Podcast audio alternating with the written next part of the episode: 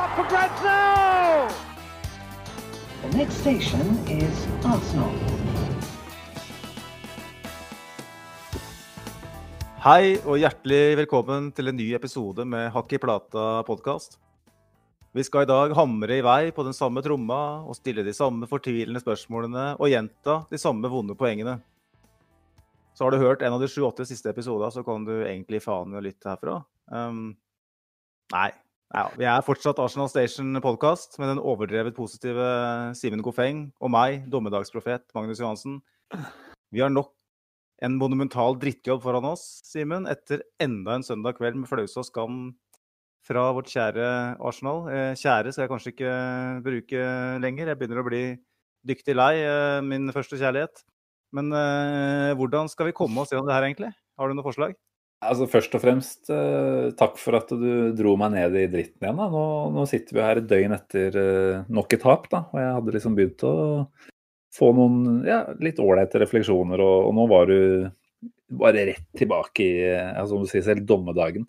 Det her var negativt, Magnus. Men eh, hvordan vi skal komme oss gjennom det i dag, det må jo bli et slags eh, konstruktivt syn på tingenes tilstand. Da. Prøve å skape litt håp. Det var i hvert fall det vi gjorde i forrige episode. Så er det jo nok en trøkk i trynet og vanskelig å på en måte gi seg selv en slags forhåpning om at det blir bedre. For det, er jo veldig lite som tyder på det. Eh, men vi får jo prøve å famle litt etter de eh, tegnene som det kanskje går an å ta med seg framover, som vi ønsker å bygge videre på. Så, så er det ikke til å komme unna at det er eh, bekmørkt om dagen. Og det er jo noe med å bare kunne ja, kaste ut all den dritten man sitter inne med, og tømme seg litt på den måten. Jeg ser det flere som har skrevet til oss på, på Twitter eh, siden kampen i går og sagt at de misunner oss eh, å ha et forum hvor det går an å ja, få, ut, få, ut, det man sitter inne med. og Det var jo derfor vi starta den poden her i utgangspunktet, Magnus. For å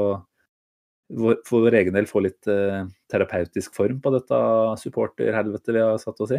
Det er tunge, tunge, tider ofte som gjør at man uh, tyr til noe sånt. Og som jeg har sagt tidligere, det var jo din samboer uh, som gjerne skulle slippe unna altfor mye sengeprat om uh, hvor fælt det var å være Arsenal-fan, og tidvis også hvor bra det var. da. Så jeg er veldig glad da, for at vi har, har dette stedet å både samle oss, Magnus, og etter hvert også en del hundre Arsenal-fans som faktisk uh, følge med fra uke til uke. Så vi, vi gjør et forsøk der, i hvert fall. Prøve å ta oss gjennom elendigheten. Kom til oss for uh, eder, galle, sore, sure oppstøt og oppgulp. Uh, og forhåpentligvis uh, etter hvert litt mer positive refleksjoner om det å være Arsenal-supporter. Det, det, det, er som du sier, det er bare bekmørkt om dagen. Og lyspunktet er veldig, veldig få, om noen. Mm. Så, men vi skal prøve å gjøre det her til en uh, lytterverdig episode. Vi skal um, selvfølgelig pine oss gjennom uh, en liten rapport fra det som skjedde på Emirates søndag kveld mot Burnley. og så skal vi faktisk prøve å gå gjennom spillerstallen, nesten spiller for spiller, og se hvem er det i den spillerstallen her som vi har noe form for tillit til at kan prestere stabilt godt over tid. Uh, og som vi da eventuelt faktisk ønsker at skal være i klubben om ett og to år. Mm. Um, og overgangsspalten den tror vi bare utsetter, Simen, uh, til neste episode, litt nærmere i januar. Så da går vi rett på, rett på X-spilleren, tenker jeg, etter vi er ferdig med, ferdig med det. Vi, vi, lovte jo en overgangsspalte for et par uker siden, og at vi skulle komme i gang igjen med det snart. Men jeg tenker at det er såpass mye annet å ta tak i her. og overgangsvinduet vil ikke være Det vil være en, en, tanke om at det kan være en quick fix, men jeg tror ikke det er så enkelt, dessverre. Som at å få inn en kreativ midtbanespiller løser alle problemene i den klubben her. Eller det gjør det åpenbart ikke. Eh, men eh, vi har nok andre problemer å ta tak i. Så for at det her skal bli sånn forholdsvis grei lengde på den poden her, så, så, får vi holde overgangsspalten eh, litt på avstand enn så lenge. Det var jo kanskje håpet vi hadde, det er overgangsvinduet. Det er, det er kanskje det lille håpet vi har, så vi håper jo å kunne, kunne servere noen eh, ferske, hyggelige overgangsrykter eh, som ikke er en 32 år gammel utvaska Chelsea-spiller eh, i januar. da. Så Eh, jeg tenker kanskje vi bare går i gang, Simen, eh, med, med Burnley-kampen. Eh, Mm. Lagoppstillinga den ga få, få overraskelser. Det var vel samme gjengen som spilte mot, uh, mot eh, Tottenham, var det ikke det? Eh, Jo, det, eh, Thomas Party var selvfølgelig skada, Ja, så da kom Helene inn der. Så det var eneste. ja, ikke så overraskende, nei, men litt skuffende. Eh, nå skjønte jeg at Nelson var ute med en slags hodeskade, vel. Så det kan jo i hvert fall være forklaring på at han ikke var med. Eh, selv om jeg tviler på at han hadde starta om han hadde vært eh, tilgjengelig uansett. Eh, det er litt sånn at eh, når man har gått på en eh, tapsrekke som den vi har vært inne i nå i noen uker, så, så må du på en måte bare fra treners ståsted ta noen grep bare for å prøve å vekke den gruppa her til live igjen, da, tenker jeg. Og det er mange ting man etter hvert kan begynne å uh, stille spørsmålstegn ved hos Arteta, og jeg syns jo akkurat det med å ja, plukke riktig mannskap, ikke nødvendigvis fordi spillerne er gode og dårlige, men bare for å sende et signal, da. Eh, der skulle jeg ønske at eh, han hadde tenkt eh, seg om en gang til, og kanskje Altså, William er det åpenbare. Kanskje også tenkt at en Lacassette i den offensive tieren altså, Det er ikke noe boksåpner-type, da. Eh, tenke litt annerledes. Det ble veldig safe og lite overraskende for oss. Helt sikkert lite overraskende for Burnley. Og de tok forholdsvis greit unna, må vi også kunne si, store deler av kampen. Ja, nå gjør det. Eh, hvis noen hadde fortalt oss i, i september, når det ble klart at Øzil ikke skulle være en del av, eh, av troppen, at det var Lacassette som skulle spille i tierrolla, så hadde vi kanskje vært enda mer uenige, eller i hvert fall uenige. Da. Så På det tidspunktet så var vi vel mer opptatt av at Ariteta må få lov til å ta de grepa som han vil, fordi at han er den rette mannen. Eh, men eh, det skal vi komme nærmere inn på. Eh, jeg syns jo at Granit Xhakas inklusjon eh, eh, er kritikkverdig òg. Han ble jo forsøkt eh, satt ut av laget når Thomas Partey kom inn. Eh, men så har jo Thomas Partey stort sett bare vært skada etter han kom. Eh, så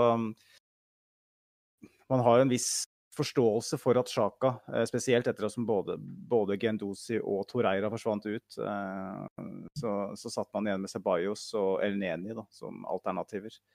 Og Eleni var jo ikke akkurat en spiller som vi forventa noe som helst av. Um, men eh, nå har Granit Xhaka fått så mange sjanser i denne fotballklubben her. Eh, Mm. Og etter at han ble eh, satt inn igjen i laget ved skaden til Partey, så har han vært grusom.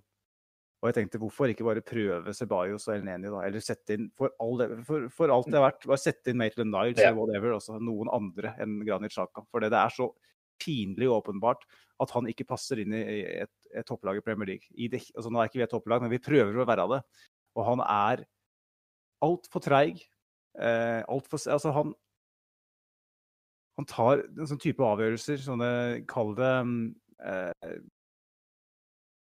trygge, feige avgjørelser. Før så spilte han en del gode, gjennombruddspasninger, men han har slutta med det òg. Mm. Så det bare Ja, men, men tror du det er han, eller tror du det er instrukser han har fått? Det kan godt hende at det er sistnevnte, det vet ikke jeg også. Men hvis du skal ha Sjaka på banen, og du tar, tar fra den ene tingen han er kjempegod på, da er det iallfall helt meningsløst. Jeg, Ja. jeg, ser ikke, jeg ser ikke bruken Jeg ser ikke nytten av Granit Xhaka i en, en Arsenal midtbane sånn som vi spiller nå. Uh, altså Vi snakka jo om det i sommer, hvor imponert vi var over eh, eh, hvordan Sjaka hadde respondert på, på det som så ut som en veldig klar exit i januar, eh, etter den episoden på Emirates mot eh, Crystal Palace. Eh, Ariteta fikk jo igjen veldig mye kreditt fordi at han klarte å få det ut av Sjaka. Da. Men eh, en liten skuffelse da, eh, som han fikk da ved at han ble satt ut av laget, det har gjort at nå er han tilbake der han var i, for et år siden. Nå er han helt ute av det igjen. Eh, og det forteller meg at, eh, at han, som vi alle mistenkte, at han har ikke personligheten heller til å, å spille i Arsenal. Han, han bør settes på første fly til wherever eh, i januar. Bare få han ut. Gjerne, gjerne gratis, bare til helvete ut. Også, for det, det er ikke noe vits lenger, det her. Det prosjektet Sjaka og Arsenal, det er over.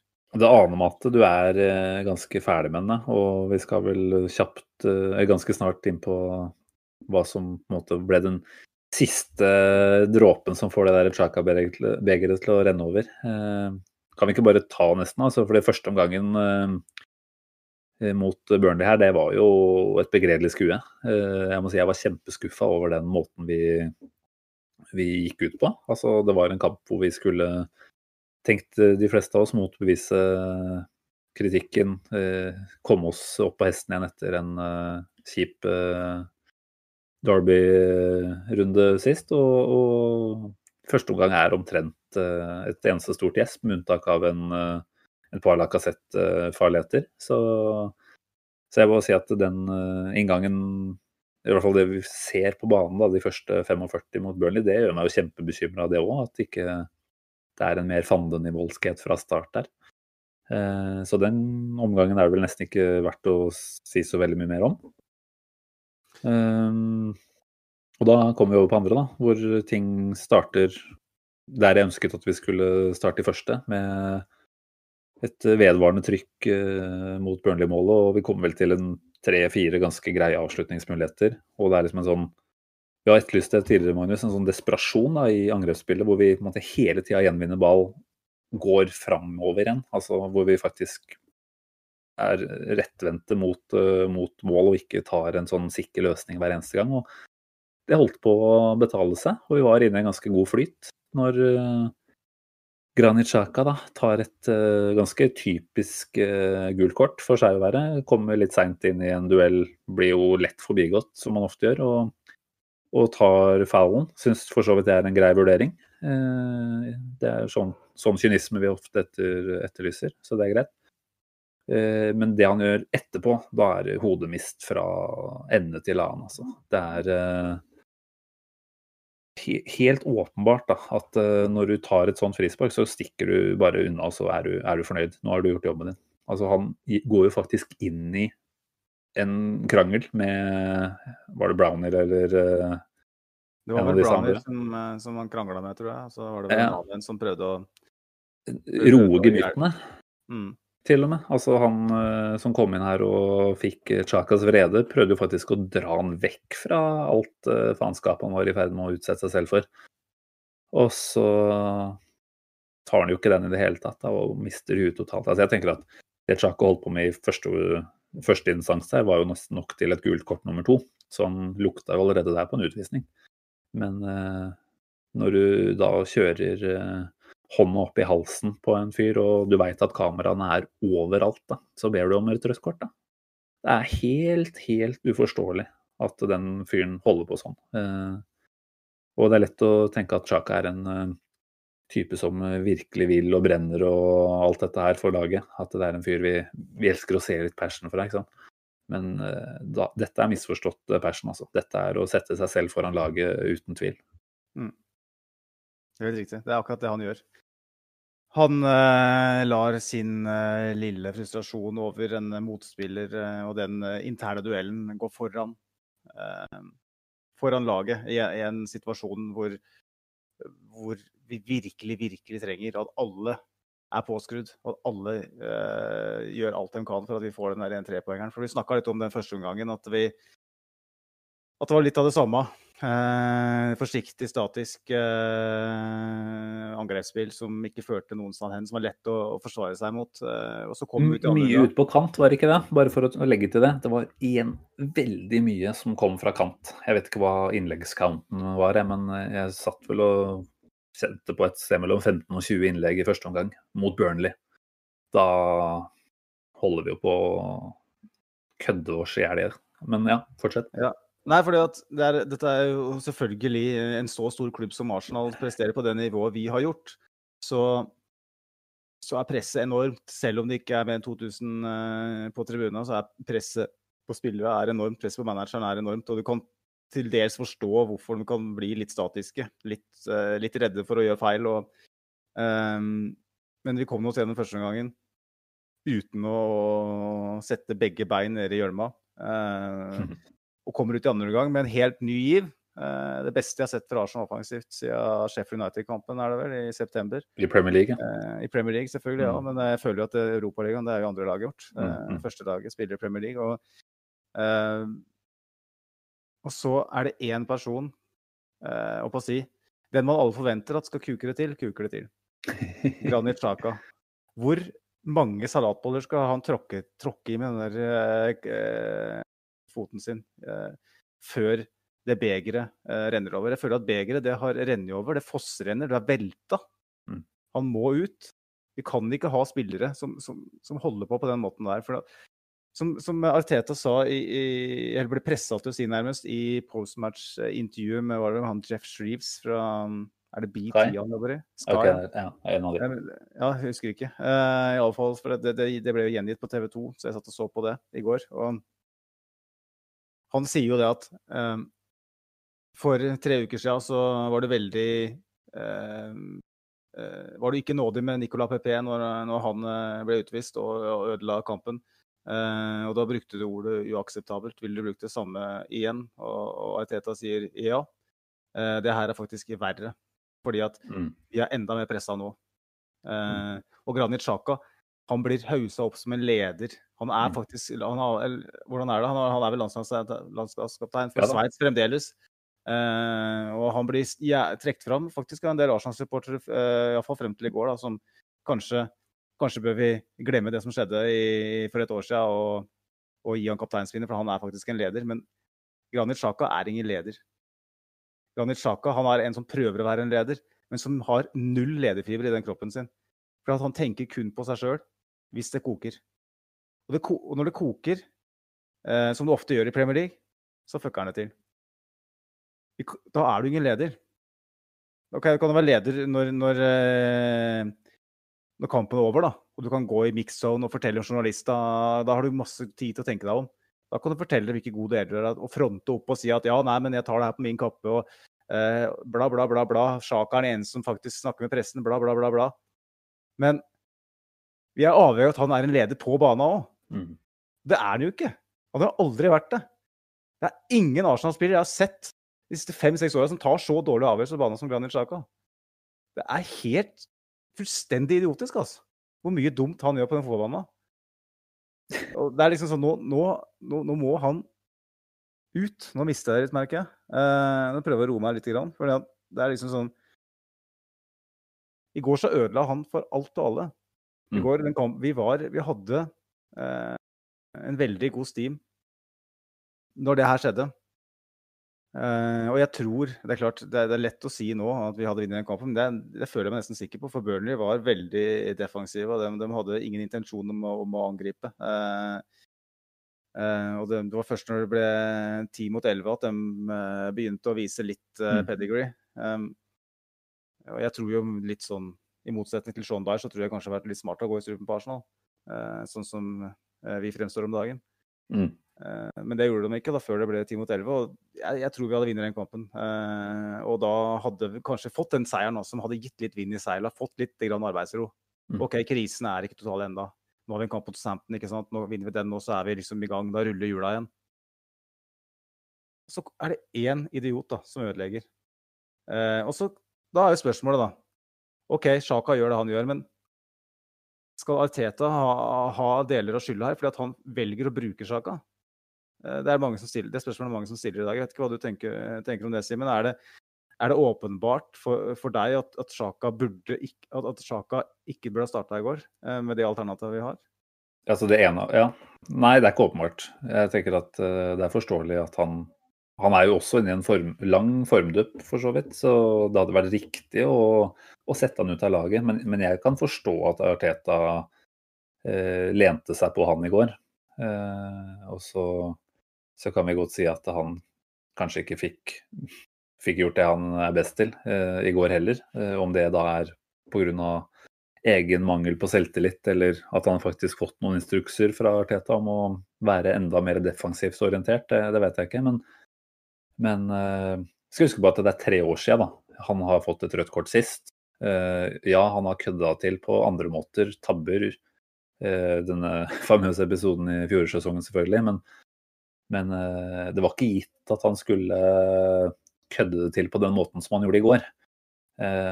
Så det tenker jeg at Sjaka for så vidt må ta fullt og helt ansvar for selv.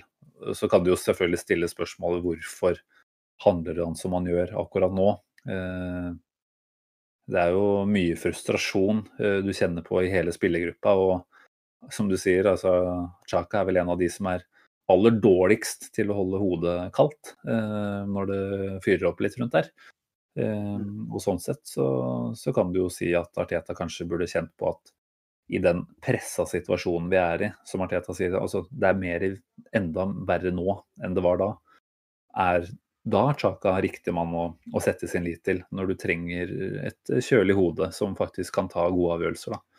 Eh, og det kan du si at Arteta har best forutsetninger eh, for å mene noe om av alle involverte omtrent, nå som han har trent han et år og vet litt om hva, hva Chaka står for. Men, eh, men, jeg skal ikke si at jeg før kampen tenkte at dette var helt idiotisk. og jeg, jeg tenker at Chaka skal ta fullt og helt ansvar for det selv. Han er en godt eh, voksen eh, fotballspiller nå og har vært kaptein og han vet hvordan ting fungerer. og Det er helt utilgivelig å oppføre seg som en idiot som han gjorde i går. Eh, det er, det er helt uforklarlig og uforståelig. Jeg vet ikke om han har vært ute og unnskyldt seg i etterkant, det har ikke jeg fått med men det, det kan vi vel ikke regne med at han gjør, for det gjorde han vel ikke sist heller. um, nei. Jeg vet um, nei. så Patrice Evra satt vel i studio i Sky i går. og det er klart, Patrice Evra han ønsker jo uh, Fyre opp litt? Uh, best rundt seg. Så får vi mm. se da, om det blir motbevist her. Men uh, han påstår jo at han hadde sittet hjemme hos Thierry Henry for en stund tilbake mens Sjaka var kaptein for Arsenal. Mm. og Henry hadde skrudd av TV-en og så at Sjaka leda laget ut. for han, mente, han, var så frustrert over at han kunne lede Arsenal ut på Emirates-matta. Um, mm. Det blir spennende å se om Henry går ut og motbeviser, motsier det. Og jeg er ikke nødvendigvis så stor fan av alle Henry sine betraktninger. Eh, men det er, liksom, det er litt sånn betimelig å nevne um, at, at, det her er en veldig polariserende figur. Eh, ja. Har vært hele veien. og mm, jeg syns jo du kom med veldig mange gode poenger her. og jeg må berømme deg for det i, i den heten vi står i. At du er såpass reflektert rundt det, uh, og ikke bare mister hodet sånn som jeg gjør. Um, vi utfyller hverandre, vet du, Magnus. Det er godt. Um, for Det snakkes jo litt grann, Jeg vet ikke om vi skal ta det der på med det som foregår på treningsfeltet nå, eller om vi skal snakke oss ferdig om, om, kampen. Hvis det er noe mer å snakke om kampen. Er det så mye mer å snakke om, da? Altså, Aubameyang skårte endelig i feil mål. Um, apropos ledere, som vi ikke har, så er jo han også en type som ikke funker som kaptein i den situasjonen vi er i nå. Eh, men jeg, jeg, vet ikke altså, Vi trenger ikke å ta kapteinspraten, men jeg vet ikke hvem andre som skulle hatt det bindet heller, for å være helt ærlig. Rob Nei, det, kanskje. Men, det er jo det vi, eh, vi, skal, vi skal, innom nå, da, Simen, ja. i den praten vi skal innom etter hvert når vi skal gå gjennom spillerstallen her. Eh, Kjør på. Jeg tror vi må hoppe videre dit. For det, vi kan ta den, det, det, Poenget mitt er at der er det kanskje ikke Det er det vi kanskje har lyst til å, å, å konkludere med. At det, det, mangler personligheter i, i det laget her. Fredrik Jungberg, et Fredrik Jungberg-sitat som florerer nå. Jeg er ikke helt sikker på opphavet til det, uh, men det, det er sett uh, blitt Så for de som uh, hører det her nå, så tenker jeg at dere får sjekke på Twitter uh, osv. før dere konkluderer og videreformidler det. Men ja, det, sånn jeg forsto det, så hadde han sagt relativt nylig at de spillere her har ikke den rette mentaliteten til å snu den situasjonen vi er i. Han var jo mm. inne her. Og det han gjorde um, nesten med en gang, var å sette ut masse etablerte spillere og sette noen gutta. Han var mm. veldig tydelig på at, uh, at, at, de eh, erfarne spillere ikke hadde den rette mentaliteten. Mm. Og her snakker vi om en, en, Det er ikke sikkert han er Guds gave til trenergjerningen, men han er en spiller som har vært med på å vinne veldig mye. Han er en vinner. Arsen Wenger eh, snakker vel nesten, all, har nesten aldri snakka mer lysende om noen eh, enn å snakke om Fredrik Jungberg, akkurat når det gjelder å være en vinner. Mentalitet. Mm. Så der er det, der er det Det syns jeg kanskje er mest interessante sitatet som har kommet ut eh, i kjølvannet her. Det er jo ikke et direkte sitat, eh, så vidt jeg kan se i hvert fall. Eh, blant annet Hedley på Twitter la igjen en kommentar under posten vår. Hedley at, at Hedley BN er hva han heter på Twitter. Eh, hvor han eh, henviste til denne, dette påståtte sitatet, da, hvor det står at uh, Jungberg har advart uh, folk opp i klubbhierarkiet om at uh, for mange av Arsenal-stallen ikke bryr seg, og at mentaliteten deres og innstillingen deres ikke er sannsynlig å ville endre seg til det bedre under Arteta. Da. Og som Hedli da skriver, dette er problemet, og problemet forsvinner ikke med Arteta. Vi trenger en kulturendring fra toppen og ned til bunnen. dette kan ta flere år. Mm. Det oppsummerer ganske godt uh, mye av det du både er i gang med å si og vil fortsette å si, antar jeg. Så ja, for det, det, er jo det Arteta var så tydelig på når han kom inn nå, at uh, her trengs det en kulturendring. Men så klarte jo ikke klubben å kvitte seg med omtrent en eneste spiller i sommer, føler jeg. Eh, av de spillerne han ønska å kvitte seg med. Dermed ble det den derre merkelig situasjon hvor to etablerte spillere måtte utelates fra Premier League-troppen og sånn. Eh, fordi det er ingen som ville ha spillerne våre. Eh, det er vanskelig å skulle endre en kultur hvis man på en måte må fortsette å jobbe med de samme folka hele veien. Uh, man må skifte ut mange av dem uh, i spillergruppa, uh, og det er ikke gjort over natta. Sannsynligvis kommer vi til å miste de fleste av dem gratis, for det er ingen som vil ha dem.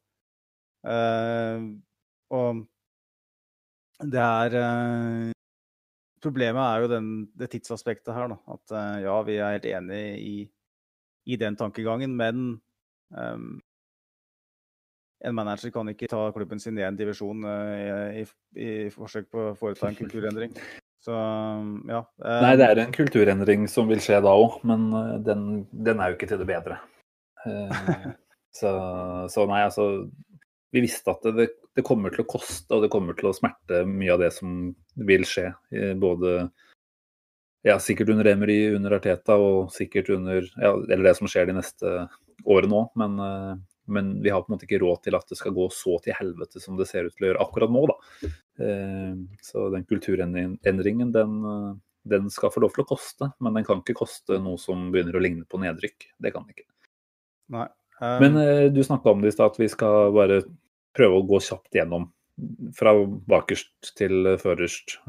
Spillere som vi tenker vi kan sette vår lit til. Da. At både er interessert i å spille for klubben og spille for manageren. Eh, for det er jo ikke til å komme unna nå at det, er, det begynner å romstere noen rykter om at det er noen e-, etter hvert ganske fremtredende spillere som tviler på Arteta. Eh, David Louise, eller ryktes det, har, har ikke snakka med Arteta på en stund nå, uten at man kan si med sikkerhet at det stemmer. Men det er i hvert fall det er en del drypp da, som tyder på at eh, noen flere etter hvert eh, kanskje har en tvil da, om det er til manageren Arteta, eller om det rett og slett er til personen Arteta som krever såpass mye av dem at de ikke er interessert i å være med på lasset lenger. Det, det, vet vi jo ikke.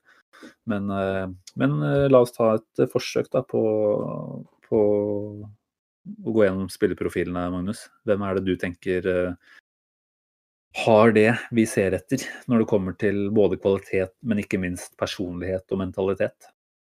Nei, jeg tenkte jo egentlig at vi skulle bare ta Vi starter med nummer én, og så går vi veldig fort gjennom. Eh, mm. så, så, har vi en opptelling til slutt. Hvor mange er det vi faktisk eh, Og det viktige, viktige, aspektet for meg her er hvem er det vi tenker har personligheten til å prestere stabilt gjennom en hel sesong mm. eh, for et eh, topplag i Premier League. For jeg føler at ferdighetsmessig så har vi veldig mye. Mm. Eh, og det ser du på noen av lønninga som blir eh, betalt òg. At eh, det er mange av de spillere her som kan hevde retten på å fortjene en sånn type lønn basert på, på et ferdighetsnivå og litt basert på det, hva de har gjort tidligere. Mm. Eh, men eh, jeg ser på en måte ikke helt eh, personligheten der, da. vinneregenskaper og stayeregenskaper og alt sånt. Um, mm. Så vi kan jo starte helt bakerst da, med, med, og helt forrest, sånn sett, med Bernt Leno, eh, mm. nummer én. Eh, en av de spillere som jeg ikke har tenkt å si noe feil om i det hele tatt. En uh, veldig god keeper som uh, har fått litt urettferdig eh, kritikk fordi at han ikke er Robert, nei, fordi han ikke er Emiliano, Emiliano Martinez. Uh, ja. men som jeg syns vi bare skal si at gjør sin jobb hver eneste uke. og Absolutt. Det virker ikke å være noe problem med han. Nei, helt enig. Jeg vil bare si kort der at man kunne også ønska seg noe mer. ikke sant? Altså, Han er profesjonell. Han er ikke en som skaper noe føss. Man har kanskje også en Altså, jeg kunne jo likt personligheten til Martinez. Altså den litt mer vokale, den litt lederaktige typen som vi kanskje fikk inntrykk av at han var eh, da han eh, sto innspurten på forrige sesong. Eh, ikke for å dra noe imot Leno, men du kunne ønske at det var en Martinez-type da, i, i, garderoben. Det, det tror jeg. For det, han slår meg som en som eh, hadde litt lavere terskel for å, for å, være tydelig. Altså, jeg ser jo Leno eh, flere ganger i kampen i går var synlig misfornøyd med, med spillealternativene han fikk. Eh, når han fikk både tilbakespill og, og skulle starte opp bakfra. Eh, men det er et eller annet bare du opplever at autoriteten ikke er helt der oppe, da. Eh, men sånn ut ifra et sportslig perspektiv, så er det jo absolutt en, en keeper som vi, vi regner med, og en type som vi regner med, og som jeg på en måte opplever at er lojal da, til, til dette her. Ja, og han spiller stort sett uh, gode kamper hele veien og ja. varierer ikke i prestasjonene. Og det er jo Nei. en av de tingene vi ser etter, um, som mm. veldig mange ikke har. Um, Nummer to uh, i uh, draktnummersammenheng er jo Hector Beirin, en fyr som både jeg og du liker veldig godt, uh, men som er i ferd med å miste litt statusen, merker jeg nå, blant Arsenal-fansen. Ja. Um, det, det, handler jo om, litt om innkast og litt om prestasjoner ellers på banen. jeg er jo Jeg tror jo at Beirin har Arsenals beste i i fokus. Eh, en som ønsker å gjøre det godt for, for, Arsenal. Men jeg lurer jo på da, om alle de prosjektene han har på å si. Det er greit nok at mm. Han snakker veldig mye om at fotballspillere har en plattform som de må bruke. At de er nødt til å få lov til å uttrykke seg selv på andre vis. Men han har så veldig mange jern i ilden. Han er jo på en måte overalt. Det er dyrs rettigheter. Er, han er veganer, han er uh, moteikon. og um, jeg, jeg vil bare skyte inn med en gang der at uh, det er sånne type ting jeg ikke klarer å se på som et problem. Da. Altså, jeg, jeg, tenker det er et mye større problem med de som ikke finner på noe da, ved siden av. Som sitter hjemme og spiller PlayStation og har en ørliten verden som de forholder seg til. Uh, jeg tenker at de, Det er godt mulig at uh, han har uh, hodet andre steder, men jeg, jeg, tror at for så vidt at når han er i kamp, så, så er han der han skal være akkurat på Bellerin så er det heller et par eh, Du snakker om ferdigheter, da. Eh, fysiske ferdigheter, som jeg tenker det er lov å stille noen spørsmål ved. Eh, han har liksom aldri kommet seg helt tilbake etter å ha vært ute med den langtidsskaden. Og avleveringen hans framover syns jeg det er, det er, nesten bare dritt å, å melde om der om dagen. Han har jo noen assist fra tidlig i sesongen, men men jeg syns at han ofte slår feil ball, og en dårlig ball, når han kommer i innleggsposisjon. Så jeg vet ikke. Det er ikke en verken sånn enten-eller-type, dette her.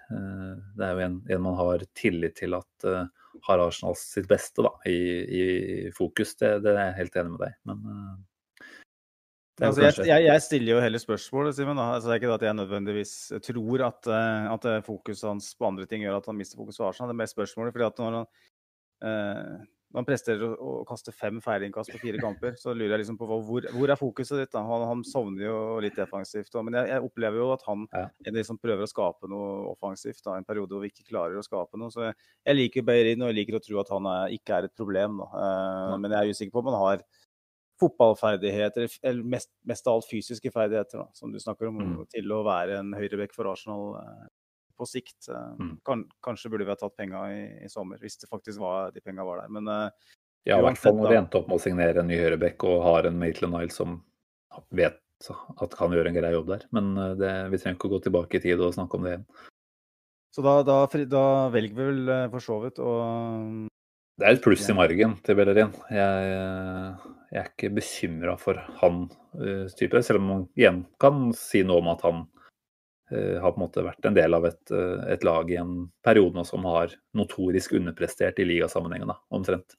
Så, så, da blir det litt sånn er han, er han nok til å Har han vinnerskall nok da, til å, til å dra dette her opp? Men han er ikke hovedproblemet på noen som helst måte. Det er han ikke, men han, han, havner kanskje på en slags kanskje, og ikke en sånn definitivt ja. Han, uh, han, er framtida. Han har det som uh, skal til for å uh, mentalt og fysisk til å kunne mm. prestere for Arsenal i, en, gjennom en lang sesong på et stabilt høyt nivå. Um, Nestemann på Nå starter jo veldig bra, da. Det, virker jo, det blir nok bare verre. Uh, Kieran Tierney er vi vel begge enige om at vi trenger ikke å snakke så mye om han egentlig. For vi, ja, vi er helt enige om at han han virker å ha uh, det vi leter etter. Han er en, en type som uh, jeg tror kommer til å, hvis Arsenal noen gang kommer tilbake i posisjon, kan være en bidragsyter til at vi kan finne på noe bra. Jeg, jeg tenker at eh, Når vi etterlyser kapteinstyper, så er Kieran Tierney noe av det nærmeste vi har i klubben nå. Og jeg ville ikke blitt veldig overraska om han bærer det kapteinspinnet i løpet av to sesonger. Eh, faktisk. Men det får vi jo bare se eh, an. Eh, jeg likte veldig godt eh, det han kom ut og sa etter eh, Burnley-tapet. Hvor han la 100% av skylda på spillerne og sa at vi har en fantastisk god trener. Det er opp til oss å gjøre dette her bedre. I hvert fall når du hører, hører at det driver og fyrer litt fra andre kanter med noe misnøye, så syns jeg det er veldig godt da å se en som kommer ut og er 100% dedikert. Og det er, det er, sånn jeg ser han på banen også. Og det er litt godt da å faktisk eh, Jeg føler at du kan stole på det en spiller sier, fordi det gjenspeiler seg i prestasjonen på banen. Ikke at han har vært fantastisk, men jeg opplever at han har en innstilling da, når han er på kamp som er, eh, som er riktig. Eh, I motsetning til visse andre, kanskje. Eh, så ja, der vil jeg gi han et, et, ja, for å si det sånn. Han, han, er noe av det vi virkelig trenger å ha med videre, og noe av det vi trenger mer av. Så da er vi nummer fire. da. Han er jo ikke med å spille, men William Saliba er jo en vi ønsker skal være framtida. Eh, men der virker det som om Arteta ikke er veldig interessert. Eh, kom det jo noen ulumskheter på sosiale medier denne uka som har gått her, hvor, hvor var vel en dialog med Han kommenterte vel bildet til Gendosi, var det det, på Instagram? Stemmer. Og essensen var vel at nå, nå har han havna locked up i Arsenal, sånn som Gendosi var. We're together on this bro, svarer Gendosi, ikke sant. Og veldig sånn åpenlys uh, kritikk av, uh, av, den sportslige ledelsen, egentlig, sånn jeg mm. tolker det. Og den kommentaren er også selvfølgelig sletta. Uh, men mm. du vet jo at det er jo ikke noe vits i å slette slike Nei. kommentarer, egentlig. For det er jo De lever videre. som har tatt skjermbilder. Så jeg, mener, jeg, tenker jo det. Han er en veldig ung, ung spiller, og han kan komme, kommer til å gjøre feil. Så jeg har ikke lyst til å trekke noen konklusjon, men det er en bekymringsverdig utvikling hvis han på en måte havner i mm. Camp Gendosi her, uh, så er ikke det noe godt tegn. Nei, men der, der, vil jeg jo si at uh, der Gendosi på mange måter hadde muligheten til å snu det selv, så har jo faktisk ikke Saliba den. Fordi klubben dreit seg loddrett ut når det gjaldt å ikke få signert han uh, på lån over til Sankt igjen, og heller da ikke rakk å Eller hadde plass til å signere han i europaligatropp. Så, så jeg har jo en del sympati da, for, for Salibas situasjon. Og så er det jo en juniorfeil å, å, melde på sosiale medier, sånn som man gjør der. Men uh, den, uh, den, den, den, tenker jeg på en måte at hvis, hvis, det blir med den ene, og han får sikkert en liten reprimande fra klubben på den, og legger seg for så vidt flat, forhåpentligvis, så tenker jeg at det er noe man kan se noen fingre på med. At man er ferdig med det. Ja, Men, så legger, eh, da legger vi Saliba i vet ikke-haugen. Og så ja. går vi videre til uh, Skal vi gidde å ta med Sokratis, ettersom han ikke er ønska? Nei, det er ikke noe poeng i det. Da går vi videre til Gabriel. Nå føler jeg at nå, nå blir jeg overraska over hvor positive vi er til spillere her. For Gabriel er jo en av de som virkelig har vist at han har noe i Arsenal å gjøre, og i Premier League å gjøre. Han har jo vært månedens spiller tre måneder på rad. Jeg tipper han får nummer fire eh, etter den måneden her. Han har jo vært en klart beste spilleren vår. Det er jo ja. ingen som har vært eh, så mye bedre enn alle andre siden van Persie holdt på i 2012. Eh, det er jo det er, det er et, et, gap ned til nestemann som er skremmende. Og det er mer det, er litt, det handler selvfølgelig om at vi har prestert dårlig, men òg fordi at Gabriel har vært genuint jævlig god. Mm. Han har vært jævlig god i mange måneder. Han har ikke gått på det klassiske eh, stoppersyndromet i Arsenal enda, i hvert fall. Som vi gjerne har sett, at det kom inn en ny stopper eller som har prestert kjempebra i to måneder, og så eh, er det off the cliff. Uh, og han ser ut som han har alle ferdigheter og alle fysiske forutsetninger til å, å være en Arsenal-stopper i årene som kommer, hvis vi klarer å beholde den. Ja, og da aner, jo, aner man jo at han har en type, og ser ut som, på banen som prøver å Altså, du skal ikke legge for mye vekt på at man klarer å klappe i hendene og si 'kom igjen, gutta, nå må vi faen meg skjerpe oss'. Men uh, det er ganske mange som ikke gjør det heller, da.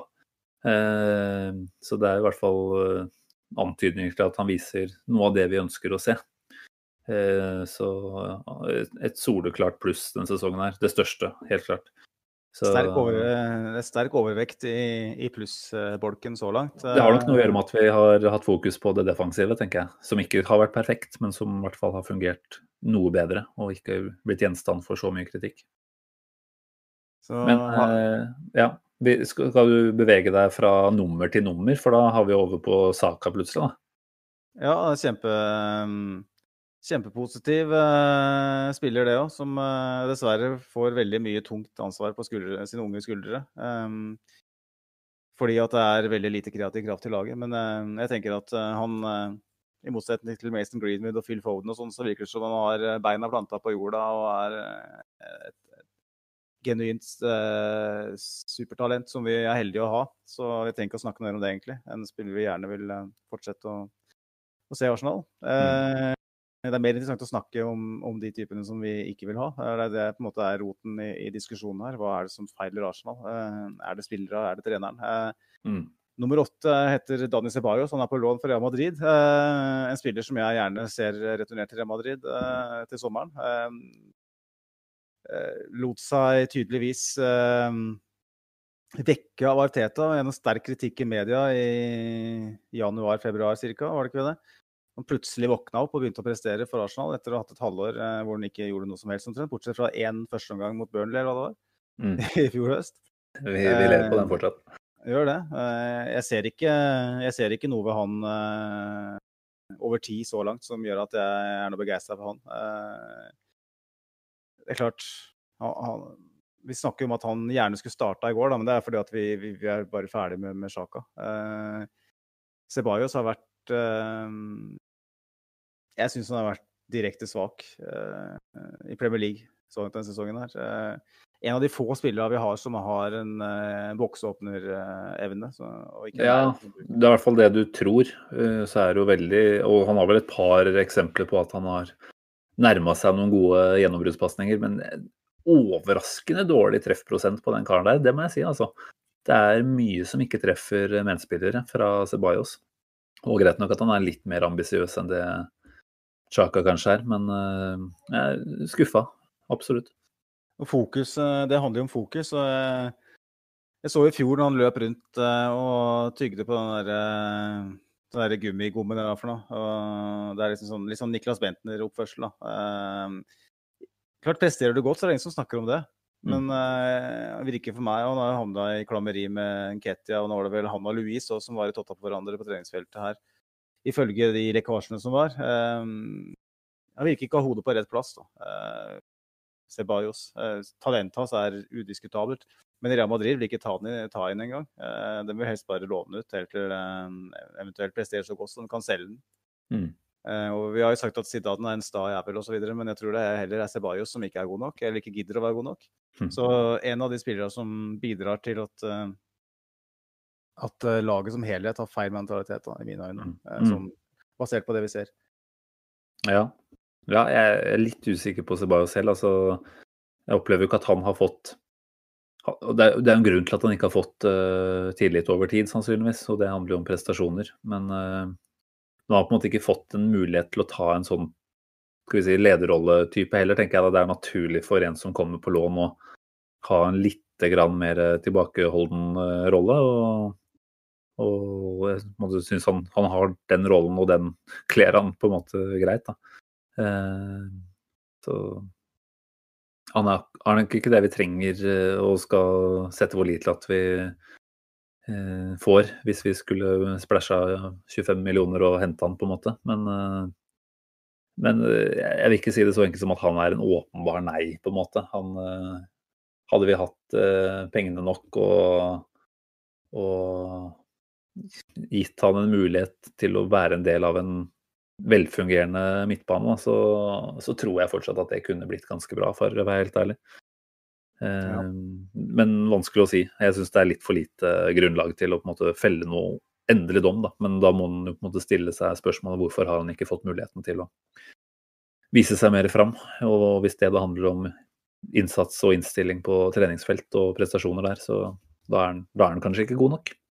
Nei, det er en midtbanespiller som har fått starte en kamp for Sp- Spania de siste åra. Og da tenker du at uh, hvorfor får han ikke da starte foran Mohammed El Neni, liksom? Det, det er forskjellige spillere, ja, men uh, det er et eller annet der. For, det virker for meg som ikke har helt uh, hodet på rett plass. Uh, men, vi hopper videre. til Lacassette, nummer ni. Han, han prøver jo må jo si han prøver de siste par kampene, så har han jo virkelig prøvd. Men uh, for Mm. meg så fremstår jo han Det er mulig at han trenger en avrund skuldra uh, i større grad enn den får. Uh, jeg vet ikke hva som skjer på bakrommet, selvfølgelig, men han virker å lide veldig av uh, dårlig selvtillit, spesielt Mm. foran mål. Og hvis han får seg et mål i ny og ne, så hjelper det ikke, på en måte. Og da er jo det spørsmålet Det er en brutal bransje, det her. Spesielt som angrepsspiller og skal være en stjernespiller. så hvis du ikke skal spille for en toppklubb og du, du ikke klarer å holde hodet kaldt når det virkelig gjelder, da, gang på gang på gang, Mm. da har du kanskje ikke det som trengs da, for å spille for Arsenal. Uh, I det Arsenal vi ønsker å se uh, i, i nær- nærheten av toppen av Premier League. Uh, og da tenker jeg at Lacassette, uansett hvor godt vi måtte like han som type osv., så, videre, så er ikke han en som jeg ser for meg at uh, kommer til å hjelpe Arsenal noe nær, særlig nærmere en, en topplassering. Det er jeg enig i. Altså, det er uh, tre, nei, fire sesonger har vi vel hatt med Lacassette nå, har vi ikke det? Og det er ca. ti mål og ikke noe mer vi pleier å få servert herfra. Og han har jo vært ute av form lenge nå og har jo fysisk Selv om han har sett litt mer eh, energirik ut de siste dagene og ukene nå, så, så ser det ut som han aldri kommer til å være det man trenger for å være Altså, han- kommer aldri til å være god nok for å holde 90 minutter på et Arsenal som skal kjempe om, eh, om topplasseringer. Det har han jo helt klart vist hele veien, så det, det er nok eh, Han har vel ett og et halvt år igjen på kontrakten nå. Klarer vi å få noen penger for han i, i sommer, så er det bare å selge. Enkelt og Ja, greit. i januar og det for den saks skyld. Eh, eh, selv om kanskje det kan være litt sånn risikabelt i den situasjonen vi er i nå, så han er en type vi bør prøve å få en litt grann kroner for. Vi betalte mye for den når vi, vi hentet han, og dessverre Men hvem vil hente en offensiv midtbanespiller som ikke klarer å slå gode bokseoppbepasninger? Det er jo det vi må selge han som. Det er jo ikke en spiss. Nei, det, Nei. har ikke vært spist på lenge, egentlig. Men eh, til uh, nummer ti. Hvis vi den, skal eh, særlig. den, den tar vi ikke nå, for det, han, han er jo ikke registrert. Eh, del Kanskje han blir. Kanskje han blir. det, hadde vært, det hadde vært fint. Eh, ja. Den tar vi når det nærmer seg januar.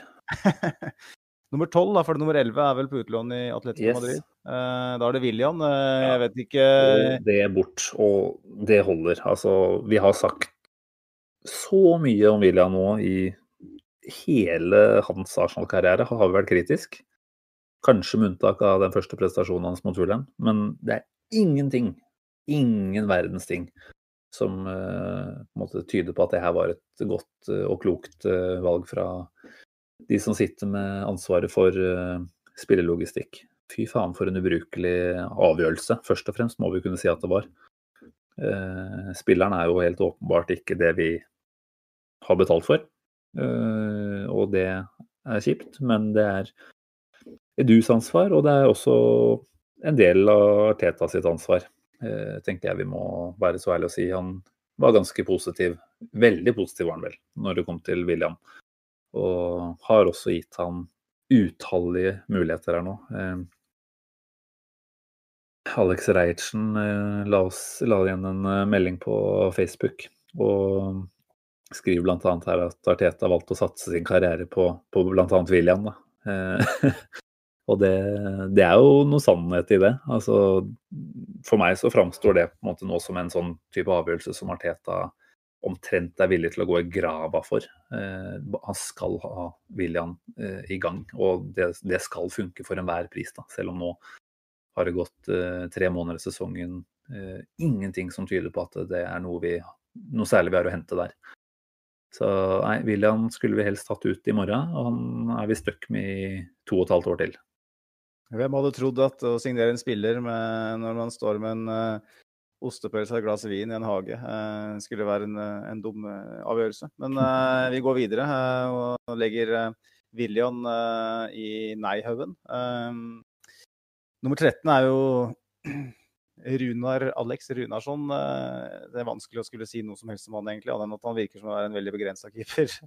Eh, Ja. Basert på veldig lite, selvfølgelig, men eh, han var jo dårlig i liga. og han, ja. Men samme det, han koster 1,2 millioner. Ja. Så det, vi, vi kan godt sette han på vet ikke. Um, nummer 14 er uh, kaptein Pierre-Emerick Aubameyang. Og spørsmålet er jo ikke bare om det er en spiller som uh, har de ferdighetsmessige egenskapene, men òg mentaliteten, selvfølgelig. Men jeg, jeg, likevel så syns det blir feil å, å si at Aubameyang ikke har mentaliteten. fordi at han har prestert på et skyhøyt nivå i fem, seks, sju sesonger. Mm. I, I både Dortmund og i Arsenal som, som målskårer. Så hva som skjer med han, det, det er jo ja, det er et spørsmål vi må stille oss. og Det, det, det er mange, mange forklaringer. Den viktigste forklaringen er at han ikke får noe å jobbe med, tror jeg. Um, Mm.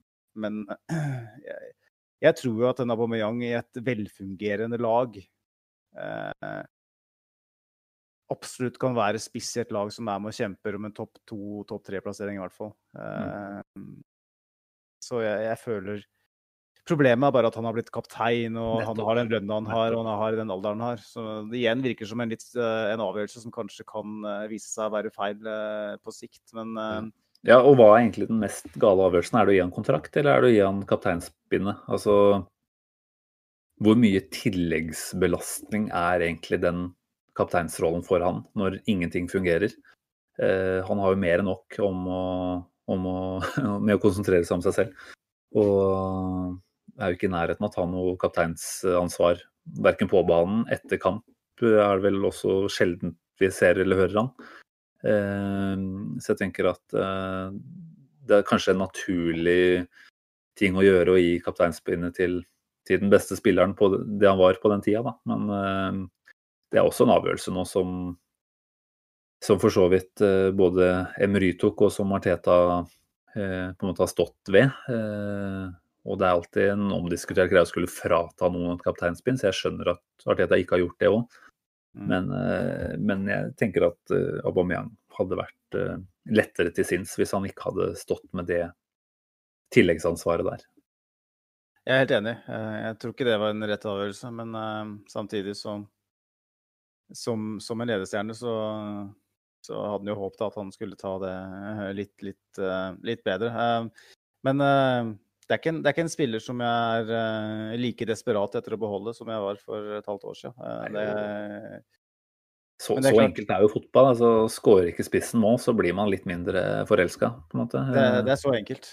Det er så enkelt. Eh, Får den karen målsmak igjen, så, så kan det plutselig komme. Altså, vi håper jo hele veien her at, at det er noe mer lyse tider rundt, rundt hjørnet. Så det er jo absolutt Selvfølgelig det er mye penger det er snakk om, men nå som vi tross alt har han, eh, og jeg tror ikke det er særlig mange klubber som er interessert i å ta over den lønningsposen her, så han er vi nok eh, pent nødt til å beholde ut, eh, ut kontrakten, tipper jeg. Ja. Eh, nummer, ja, neste plan her. Ja, vi bare presisere, presisere at det, handler jo egentlig om å lete etter litt personlighetstrekk her, da. For det, ferdighetsmessig så er vi enige om at mange holder nivå. Uh, Maitland Niles er jo en spe veldig spennende spiller i, i så måte. fordi at han har eh, spesielt fysiske forutsetninger for å spille eh, for et topplag, det er det ingen tvil om. Det er vel, han er en atlet av dimensjoner. Han kan bekle flere roller og ja, en type som eh, med det rette fokuset kan eh, gjøre store ting, tror jeg. Mm. Um, hvorfor han eh, da Hvorfor klubben da velger å takke nei til et par bud i sommer og beholde den for bare å la han sitte på benken, det, det er et annet spørsmål. Um, han er jo litt sånn Vi kjenner jo historien til Maitland Niles. Han har jo hatt litt pro problemer med fokuset sitt. Mm. Eh, han fikk så hatten passa av Arteta da han kom inn, og, og responderte godt på det. Eh, og så har det tydeligvis skjedd noe mer igjen, for han får jo nesten ikke spille. Eh, eh, kanskje er det enda en spiller. Kanskje burde vi ha takka ja til det budet fra Wolverhampton, selv om det var litt for lite ut ifra det vi mente var, var, var riktig. Eh, hvis han ikke har igjen, han igjen er enda en spiller da, som ikke har den evnen til å prestere stabilt godt over tid og være på jobb hele veien. Um, så det er et usikkerhetsmoment. Da. Den, ja, må... enig. Han, han, har jo noen sider ved seg som du kan på en måte tolke han dit at han gir totalt F. Fordi han har jo et kroppsspråk som er så chilled, og det, det, kan se ut som han bare er uinteressert. Og så kan man også tenke at det er et pluss, at han kanskje ikke da i like stor grad som noen andre lar seg stresse opp i en såpass eh, vanskelig situasjon som klubben er i nå. Så nå kommer han sannsynligvis til å få, få noe kamptid framover. Både Bellerin som er ute neste kamp, eh, Archaka da som er ute i tre kamper. Så får vi se om Maitland Niles eh, tar, tar, den oppgaven han blir tildelt, på en god måte. Men eh, ja, det er vel kanskje som er det lengste man kan strekke seg til der. Ja. ja. 16 er vel Rob Holding. Eh, her er det vel mentaliteten eh, kanskje bra. Eh, mer usikker på ferdighetsnivået, men som en stallspiller i Arsenal, hvis det er det han skal være, så er jeg happy, altså. Ja. Han er ikke fantastisk. Det er kanskje vanskelig å se at han kommer til å bli helt fantastisk, men han er ikke det største problemet, han heller. Og selv om vi slipper inn litt mål og sånt, så vil jeg ikke si at han har utgjort noe noen dårlig makker til Gabriel eh, de siste kampene. Så det er, eh, det er absolutt en, en, jeg ønsker å ha med videre. Så får jo på en måte andre stopperalternativer avgjøre hvorvidt han blir en vi spiller mye, eller, eller som får en backup-rolle. Mm. Men, eh, men det er mye bra i Rob Holding. Så det, det, vi skal sitte med til slutt, Simen, er jo da hvem er det som både har ferdighetsnivå og eh, mentaliteten da, til å kunne være en førsteelver for Arsenal. Eh, ja, Driver du og noterer deg ned nå, eller? Nei, men jeg, det har jeg sånn halvveis i huet. Ja. Eh, nummer 17 eh, er jo Cedric Suárez, en signering jeg skjønte svært lite av, som eh, stinker veldig av agentkompisvirksomhet. Eh, har jo ikke gjort seg bort i Europaligaen, men det er jo tross alt mot Molde og Dundalk og, og Rapid Wien, så jeg, jeg syns ikke vi skal i den grad vi ikke skal legge altfor mye vekt på det unggutta holder på med, skal vi i hvert fall ikke holde legge noe særlig vekt på hva en, en, en, en portugisisk landslagsspiller holder på med. Uh, Forhenværende landslagsspiller, vel? Ja, ja. ja. Han har en del kamper for, eh, for, Portugal. og ja. um, uh, Ikke en uh, jeg, jeg, kjenner ikke mentaliteten hans eller noe som helst, men for meg en, en merkelig signering. Så, i, som føyer seg inn i rekken av merkelige signeringer. Ja. Um, ja, nei, jeg tenker at vi, vi, har på en måte litt for lite grunnlag til å felle en dom på dem her. Men, uh, men med tanke på omstendighetene rundt signeringen, sannsynligvis, da, så kan man jo tenke at det er en, en spiller som er veldig tilfreds med å få lønn fra en storklubb som Arsenal i fire år framover. Altså, han, han kom jo usedvanlig godt fra det der. Altså en utgående kontrakt i Southampton som de ikke var interessert i å forlenge. Og da plutselig sitte med en fireårskontrakt i en større klubb, da. Det, og helt sikkert hverdagen hva han har, han 60 000-70 000 pund i uka. Så nei, han er nok fornøyd. Uh, så får vi se. Uh, en liten del av meg tenker jo at han plutselig tar høyrebekken nå som Bellerin er ute i neste kamp. Vi får se. Det blir spennende. Ja. Um, Nestemann på lista tenker jeg havner ja, på ja-lista. Han uh, har heller ikke en stor nok uh, uh, sample size til å kunne si I Arsenal, tror jeg, da vil jeg merke. Til å si at han er en vi bør satse på. Men Thomas Partey er jo en vinner som vi har henta fra et Simione-lag som vi vel kan si at hvis han klarer å holde seg skadefri mer enn to kamper i løpet av mm et par år der, så kommer det til å være en spiller som vi kommer til å legge uh, veldig mye ansvar på, uh, og med rette. Så han Jeg vet ikke om du har noe å legge til der? Nei. Det er, det er, synd at han har fått den starten her han har. Jeg husker vi snakka med Petter Wæland da overgangen ble kjent, og han sa jo da at det ikke var noe særlig skadeproblematikk å snakke om tidligere. Så litt Eh, overraskende, får vi oppe, og ikke noe som uh, Får håpe at det bare er et sånn flyttesjokk som har uh, skjedd her, og ikke at det er noe oppståtte problemer som får lov til å befeste seg i skrotten der. For det er det én signering vi virkelig har behov for at det funker, så er det Thomas Partey. Han, eh, han føler jeg på en måte er en som kan snu dette her, hvis han kommer seg på banen igjen nå ganske snart. Da. Og så får vi håpe det er Teta som, som får nyte av det. Nestemann på lista, han er redd havner i den uh, motsatt ende av skalaen, uh, sånn sett. Uh, ikke ferdighetsmessig, men når det gjelder mentalitet og personlighet, vil jeg kanskje si, Nicolas PP Du kan få lov til å drodle i vei, Simen. Ja, nei, altså Jeg er usikker da på om den introverte typen han er, har blitt riktig ivaretatt av Arteta. Det er den klassiske armen rundt skulderen-typen, tror jeg. Og Arteta har egentlig fra dag én vært ekstremt på å kreve og kreve og kreve. Og i tillegg da også uh, ta han ganske godt for seg etter denne Leeds-tullegreia eh, som han holdt på med. Så, så jeg tenker at uh, PP Han er nok ikke en, en type vi skal legge altfor mye press på uh, psykologisk før det kanskje kan svikte litt, da. Uh, det er synd at han har fått, fått, den karrieren han har til nå. Og det er klart med den prislappen så er det ikke til å komme utenom at presset var der fra dag én. og han har jo ikke håndtert det i noe særlig grad. Man kan jo ikke si det. så får vi se nå da om nå som han er tilbake etter suspensjon, om han får lov til å få en kontinuitet igjen.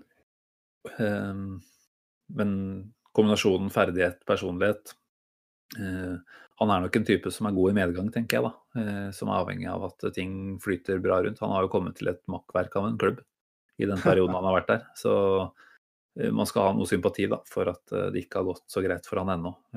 Og hvis det først hadde begynt å flyte skikkelig for PP, så, så kunne man kanskje tenkt at det er noe som vedvarer. Men nå som det har gått gått såpass eh, dårlig eh, i flere måneder, så, så, er det jo en usikkerhet der ved om man klarer å, å snu det på egen hånd. Ja, nei, men da, lar vi det være, er det. Er, er, det en kan, kanskje, du sier? Altså, det er vanskelig å si, men jeg, jeg heller på en nei. fordi at ja. Eh, jeg, jeg, Det handler jo om, litt om de midlene som ble lagt i det òg vi snakker litt om hvordan vi skal som fotballklubb begynne å rekruttere spillere som både har det fysiske, ferdighetsmessige og mentale. Mm. Eh, for 72 millioner pund så skulle PP ha hatt alt. Og han har kanskje en av delene, på en måte.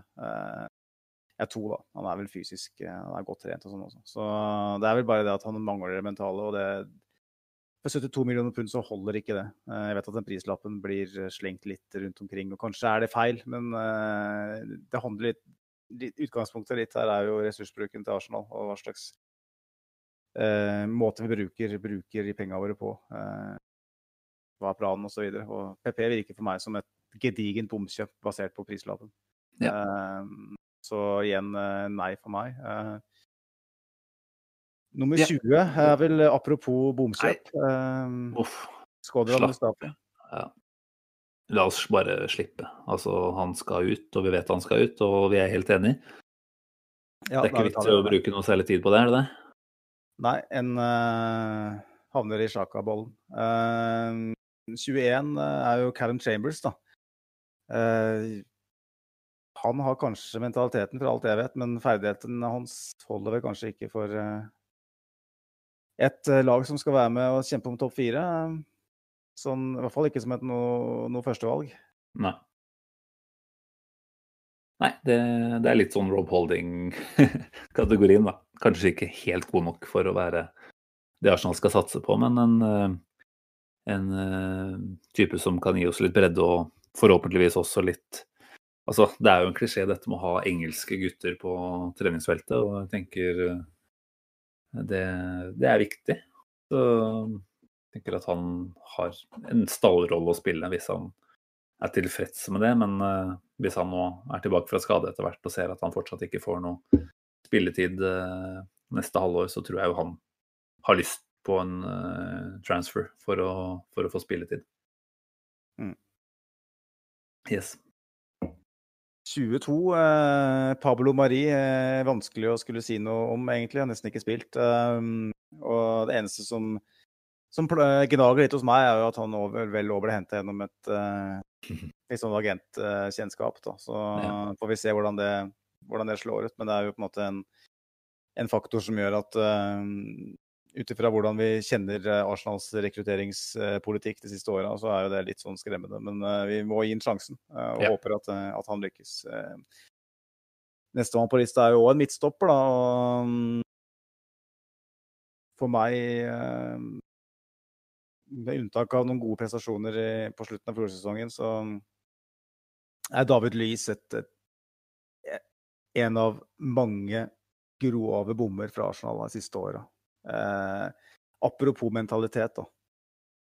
Hvis du ønsker å ha en spillergruppe som er lojal mot treneren, så for all del ikke hent David Louise.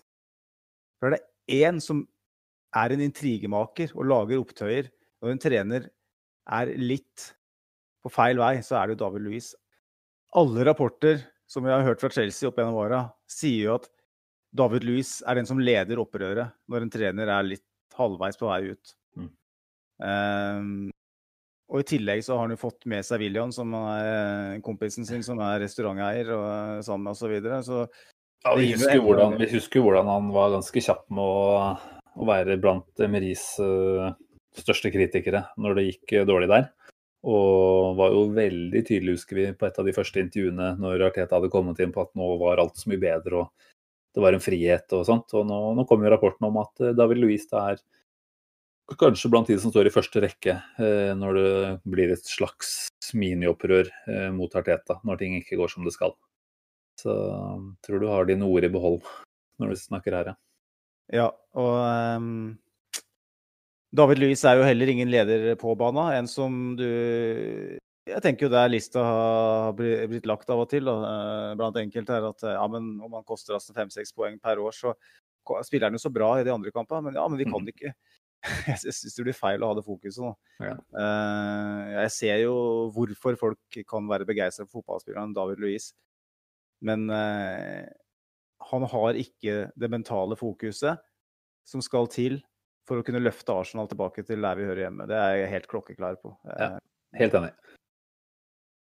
24 er det Reece Nelson, er det ikke det? Det er jo et Hale End-produkt. Um, vanskelig å skulle si all verdens. Han, han kom jo til, uh, til Hoffenheim uh, under Nagelsmann. Starta veldig bra, skåra en del mål fra uh, innledningsvis. Og så plutselig så ble han nærmest utelatt. Uh, Eh, hvor Nagelsmann sier at uh, han hadde ikke den rette fokuset osv.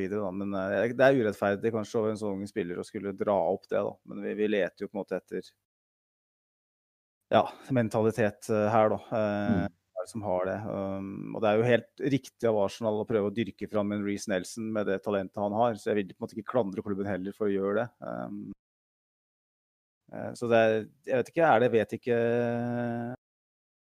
ja, altså jeg, ja, altså Jeg heller mot at han i hvert fall skal, skal få lov til å bli og bevise seg eh, eventuelt at vi, vi bommer. Eh, jeg, jeg, tror at han kan ha, ha, det som trengs. Eh, jeg opplever at mye av det som har skjedd med han i år, er en direkte konsekvens av at William ble henta. Så, så, jeg tenker at den den eh, bomurten der rett og slett får kjempekonsekvenser nå da, for, eh, for, hans utvikling. Og jeg skjønner at han er, eh, hvis han er, at han er skuffa, så er det fullt forståelig. For det, han har på en måte ikke fått muligheten til å, til å vise seg ordentlig fram. Da. Og så kan du snakke om at Arteta sikkert henta William fordi han trengte en erfaren vinnertype, da, og ikke så på Nelson som en som var i nærheten til å kunne ta et sånt type ansvar på, på høyrekant. Men uh, når du ser hvordan William har vært en uh, fadese, da, så, så, tenker jeg jo at uh, Nelson skulle fått lov til å bevise at han har de manglene som Arteta mener at han har, før han ble satt helt ut til side. Ja. ja. jeg, jeg er på ja til vet ikke med han i hvert fall. Ja, nei, men uh, får en vet ikke fra meg òg. Um, jeg kan liksom ikke si med sikkerhet at han har alt det som, som trengs. Men sånn, de unge, egenproduserte spillere er heller ikke det vi måte, er på jakt etter her heller. Det er jo de som har blitt henta inn for å skulle lede oss gjennom det her. Joe Willoch Unnskyld. Joe Willoch er vel nesten på lista, tror jeg. Nummer 28. Um, Simen, du skal få lov til å ta han. Ikke ta den, men snakk om den. jeg vet ikke helt hva jeg skal si der. Det blir jo litt i samme sjangeren som uh, forrige mann her. Um, har jo plutselig fått et uh, tomrom som vi ser på i laget her, som han er en naturlig arvtaker til å fylle. Har jo ikke, har jo ikke gjort det i noe særlig grad. Han har prestert greit i Europaligaen. Uh, kanskje en mentalitet og kvalitet ved seg som som gjør det bra der. Og så har han jo falt igjennom i Premier League, eh, de kampene han har fått der. Eh, men, men eh, nei, jeg, jeg syns igjen det blir vanskelig å gi han noen dom, Magnus, når han er ja. Ja, såpass uprøvd som han er. Men, men, du liker å tro da, at de som kommer fra akademiet, har en slags uh, grunninnstilling til Arsenal uh, som gjør at de, de vil ofre seg i enda litt større grad. Og så så opplever jeg jo kanskje også her at han måtte ha blitt brukt litt feil. da, Istedenfor å ha han med i noen tropper og kaste han innpå mot, uh, mot slutten, så har det blitt noen starter i Europaligaen, og så har det blitt et par starter i, i vanskelige Premier League-kamper, og så har han på en måte falt litt igjennom. Så han har kanskje ikke blitt managa optimalt da, av Arteta. Nei. Uh, nummer 30, Simen, uh, er jo tidenes toppskårer på engelske U21-landslaget, Eddie Nketia. Um, per i dag også toppskårer på Arsenal. He. Faktisk. Uh, skal ikke riste meg på, til å si noe som helst om mentaliteten hans, men uh, uh, Kanskje en spiller som til tross for et nærmest gudbelåna talent inne, inne, i boksen som avslutter, mange har litt for lite å vise til ellers eh, mm. som allrounder, som du jo gjerne trenger i Premier League i, dag. Jeg er helt sikker på at hvis han kommer i, på rett nivå eh, Det er ikke sikkert det er Premier League, men eh, mm. et eller annet annet så kommer han til å bøtte inn mål. Men eh, jeg er veldig veldig usikker på om han har noe stor framtid i Arsenal. Han tar på en måte ikke for seg, føler du, når han er ute på banen. da. Så det er en slags sånn Altså, igjen, er det, er det rett og slett kvaliteten, eller er det på en måte troa på seg selv? Eh, det er jo ikke noe tvil om at han kan skåre mål, men eh, er det fordi det er vanskeligere å komme til målsjanser, eller er det bare at han ikke har den troa på at han kan komme til de samme målsjansene i Premier League? Eh, igjen, det er et begrensa utvalg av, av opptredener vi har å lene oss på her, men, men det er jo et usikkerhetsmoment, da. Mm. Noe som begynner å bli gjennomgangsmelodien her nå, merker jeg, når vi går gjennom uh, spiller for spiller. Det er, det er ikke noen uh, stor overvekt av uh, spillere vi er 100 sikre på at det er, er det vi trenger. Men OK, hopp videre til neste, da.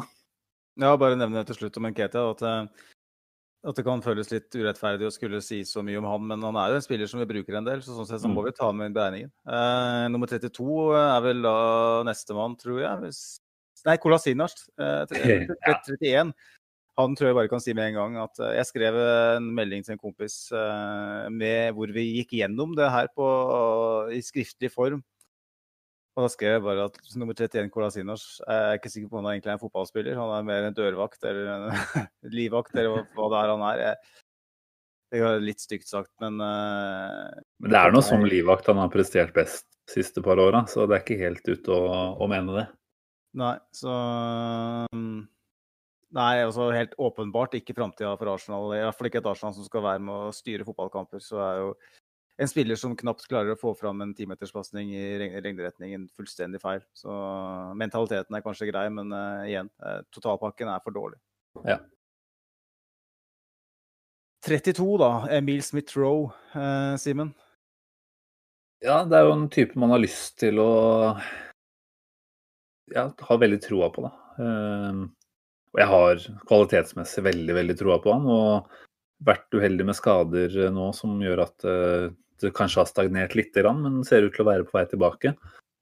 Og veldig spent da, på hvordan han blir brukt nå framover. Ehm, jeg tror han har han er nok en Du får inntrykk av at han er litt sånn forsiktig type, kanskje, men, eh, men han er jo en fotballspiller med stor F, da, som jeg virkelig tror har mye å fare med på banen. og Nå får vi håpe at eh, han får en, skal vi si, noen personlighetstrekk som eh, skal vi si, gjenspeiler det fotballmessige hos han, At han har, har, like stor tro på seg selv som, som ferdighetene hans tilsier at han bør ha. Det er en fyr jeg både håper i særlig grad, og også kanskje tror til en viss grad at kan være med å, å ta dette her laget opp og fram de neste sesongene. Kanskje allerede i løpet av denne sesongen, eh, avhengig av hva som skjer. Men eh, igjen, vanskelig å si. Man kjenner jo ikke eh, spilleren, eller typen bak spilleren i noe særlig grad. Men eh, jeg har godt håp i hvert fall for Smith Roll.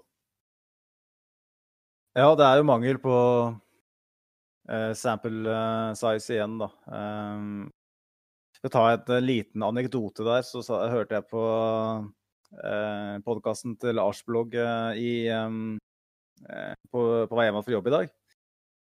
Og den snakka, da snakka de om Teta da, og det der med å, å føle liksom trygghet med, med, tanke på å ha en sample size å lene seg mot. da. Og De kalte det en big sample size. Og alt jeg hørte, var Big Sam. jeg tenkte at det er, det er løsningen på alt, eh, Magnus. Big Sam. Få ham på hånd. Vi er snart der. Eh, 34 eh, har vi vel allerede luke 34. Hengt opp etter veggen. Ja. Den, eh, der er nagla inne, så vi trenger ikke å, å si noe mer der. Det er um, feil på de fleste måter.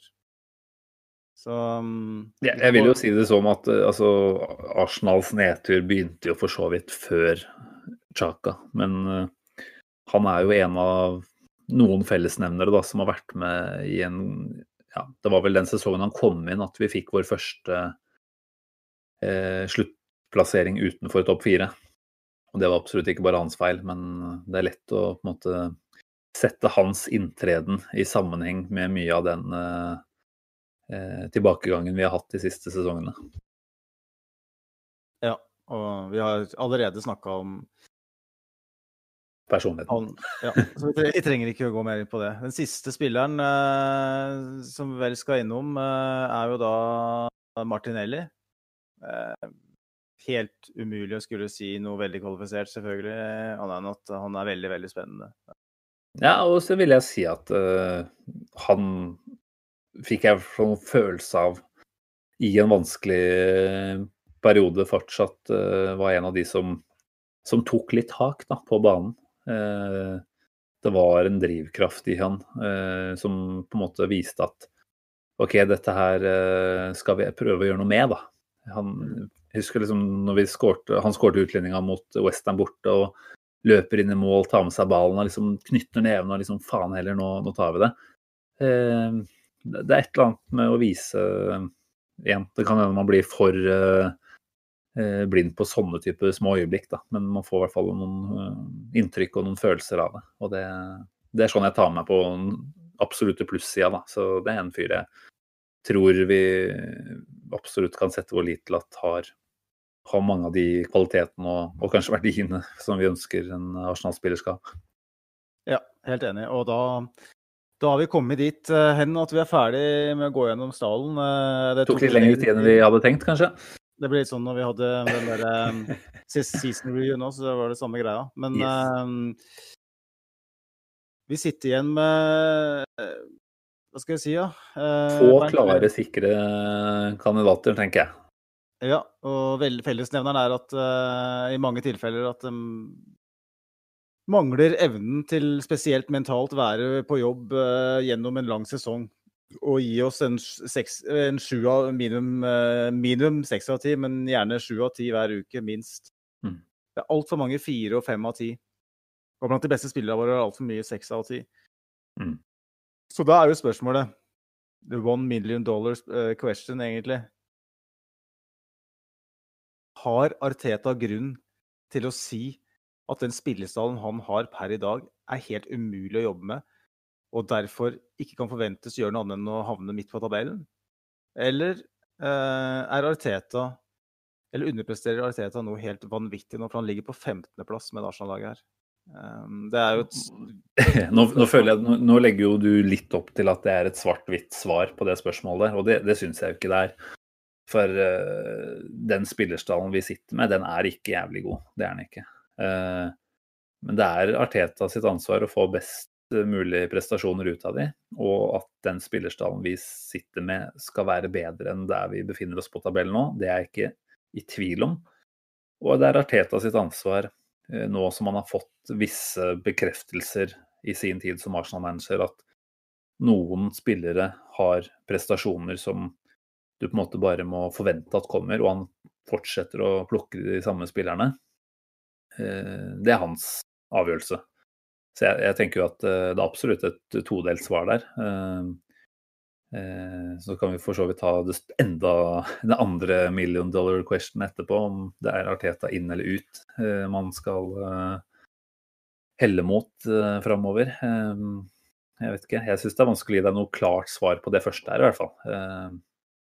Jeg tenker han, han, var kanskje ikke så taktisk når han sa at han trenger fem-seks spillere til for å få den fotballen han ønsker. Da sier han samtidig at de han har ikke er gode nok. Uh, det skaper jo ikke en ekstra giv, vil jeg tro, hos de fleste av de.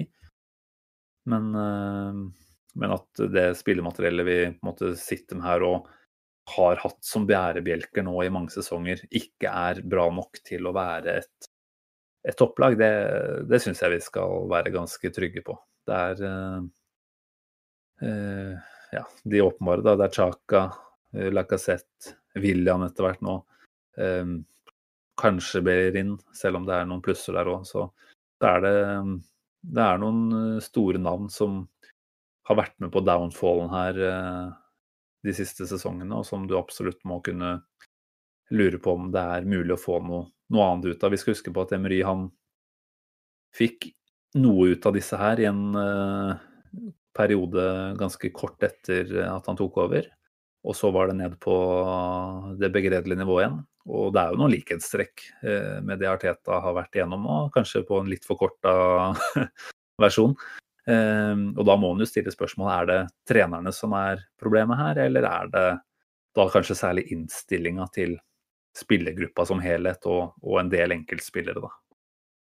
Ja, og min uh, Hvis jeg skulle uh, låst svaret mitt på noe her og nå, så måtte det være det at uh, klubben har gjennom ganske sånn eh, opprivende år, spesielt etter at Wenger forsvant. Forsøkt å finne en, en kurs. Eh, en litt et litt halvhjerta forsøk på å finne en, eh, en kurs. Eh, med Kronky og co., som er veldig hands off. og setter folk eh, inn i forskjellige roller og, og igjen flyr tilbake til, til, staten og satser på at de kan ordne det. Mm. Og det har vært veldig mye endring hele veien. Samtidig har Arsenal brukt mye penger hele veien, uh, føler jeg. da. Senest ved å hente Thomas Partey, som vi er veldig begeistra for. Men, og jeg tror heldigvis det er en type spiller som vil kunne lykkes i flere systemer. Men det er liksom det der med å, å Når du har ett år, så har du en Sven Mislintat som er ansvarlig for å identifisere talent. En annen, annen sommer så har du en Raoul Sanei som skal bestemme, og nå er det Edu og Arteta. Eh, og du henter spillere for store summer eh, med forskjellige planer hele veien. Ehm, Arsenal har kanskje ehm, i altfor stor grad prøvd eh, å fikse ting eh, med, med kortsiktige løsninger.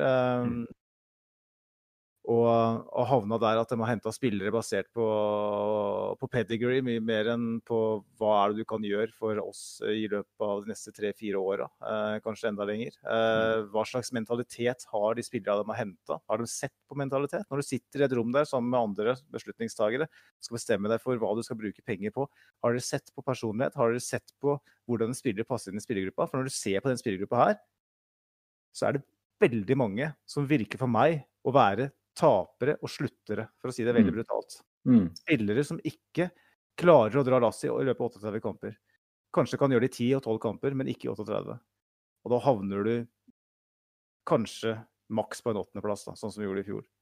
Eh, og kanskje havner de på åttendeplass i år òg, fordi at eh, den gjengen her kommer til å presse Ariteta vekk fra Arsenal og hente inn en, en ny manager som får en, igjen får en ny eh, boost eh, i, fra spillergruppa, som klarer å løfte seg til det nivået. Mm. Eh, så så hvis, hvis, hvis, som du var inne på, Steven, så stilte jo spørsmålet er er Arteta eh, rett mann, da. Um, og Ja, altså vi ser jo at det begynner å røre seg ganske mange eh, Arteta ut-sympatisører ute i Arsenal-sfæren. Eh, også på våre kanaler, Magnus, så ser vi at det er flere nå som eh, heller mot Arteta out-sida. Eh,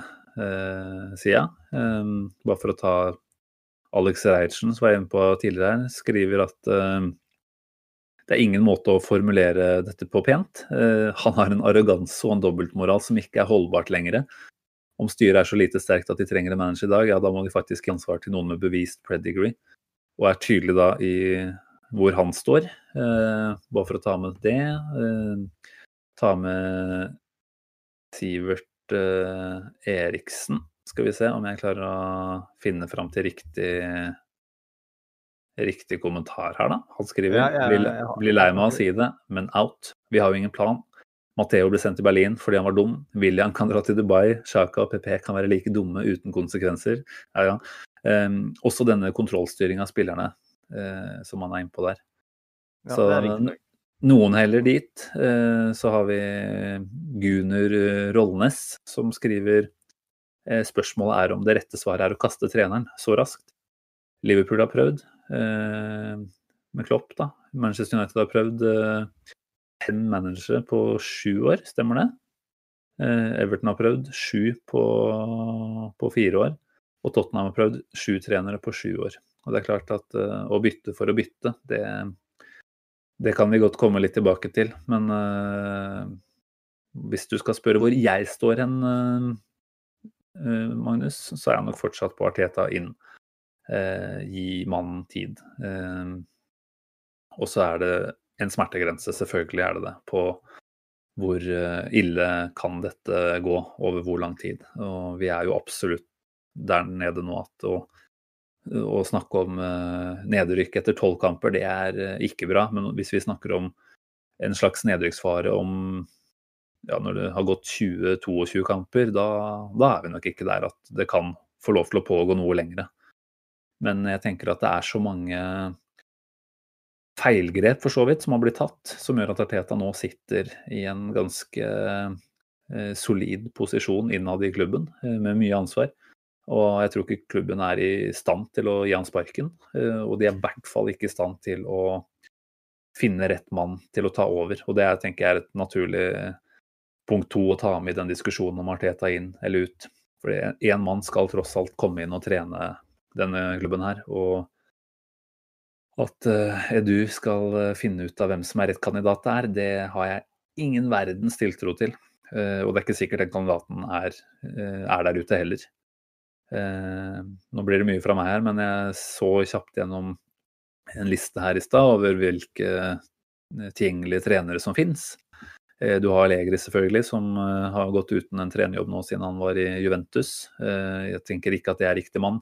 Vi trenger ikke å ta noen lang diskusjon på det nå, Magnus, men eh, vi har en Pochettino selvfølgelig som er uaktuell. Ernesto Valverde som var i Barcelona inntil januar i, i år. Vanskelig å si noe om han, kanskje. Det er en Spalletti som har vært i Inter senest, men eh, eh, Sarri, da. Kanskje Sarri, som kommer eh, etter et opphold i Juventus, kommer han jo fra Chelsea. Det ville jo føyd seg inn i rekken.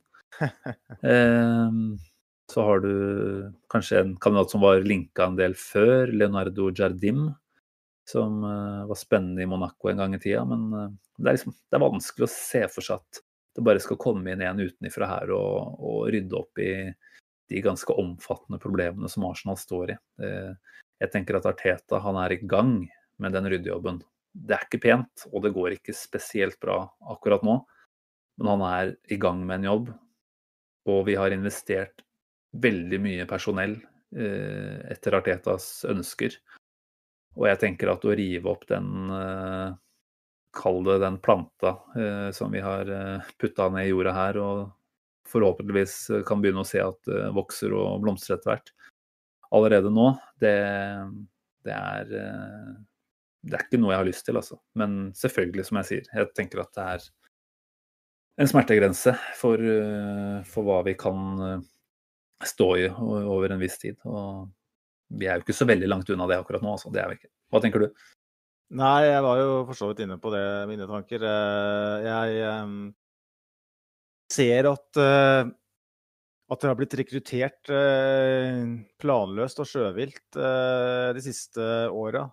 Og at den spillergruppa her er ubalansert og mangler veldig mye på å kunne være i nærheten av å kjempe om noe som helst eh, i toppsjiktet. Og det er litt rart å si etter at vi tippa Arsenal på tredjeplass på den Mhm. podkasten her i, i, sommer. Men uh, sånn er det nå. Vi lærer uh, stadig vekk nye ting om, om, det laget her. Og det er en bekreftelse på det vi helst ikke ønska å få. Uh, det er det er vanskelig for alle de navnene du nevner. Jeg, jeg, tenker ikke umiddelbart Kanskje Porcetino hvis han har vært villig til å, å, komme, men igjen, det blir bare basert på at OK, han, han gjorde en lignende jobb i Tottenham en gang i tida, men det er liksom Jeg ser ikke Arteta er kanskje den eneste i klubben, uh, i ledelsen i klubben jeg har noe form for tillit til. Mm.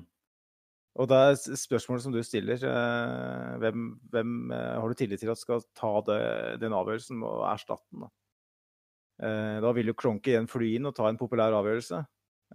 Fordi det er det de gjør. De, de, kommer inn når det er helt åpenbart for hele verden at det må gjøres noe. Da kommer de inn og så tar de en avgjørelse som de føler er Og det skal jeg gi kreditt til deg for, Simen, for det sa du før sendinga, at de er veldig populistiske. De tar avgjørelser som da de tror at fansen ønsker, å, ønsker at skal bli tatt.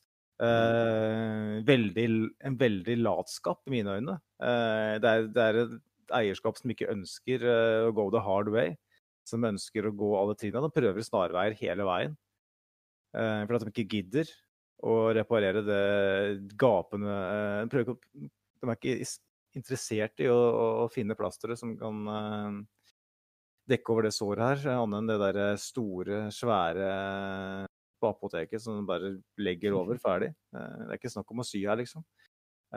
Nå ble det veldig, veldig sånn legemiddelrelatert her. Men ja, ja, så lenge Cronky og det, den falkeblikk, det, det der falkeblikk-fokuset vi har hatt hver episode nå, det skal vi kanskje ikke ta hver eneste gang, men det er for meg, så, så lenge eh, Cronky styrer her, og så kommer det til å være sånn fram til vi snubler over et eller annet geni som tar tak. Eh, og hvor mange av dem er det egentlig? da? Hvor mange klopper og guardiolaer er det egentlig rundt omkring? Mm. Som kan ta tak i det her alene og styre ting i, i, i den rette retning. Det, vi er nødt til å få en struktur på plass igjen eh, rundt Ariteta. Det er veldig urettferdig å forvente at en, en rookie manager skal fikse det her på egen hånd. Eh, og alt fokuset på Ja, jeg er enig i at, at, han gjør en del rart om dagen, men uh, hvis ikke han skal rydde opp i der, hvem faen skal gjøre det da?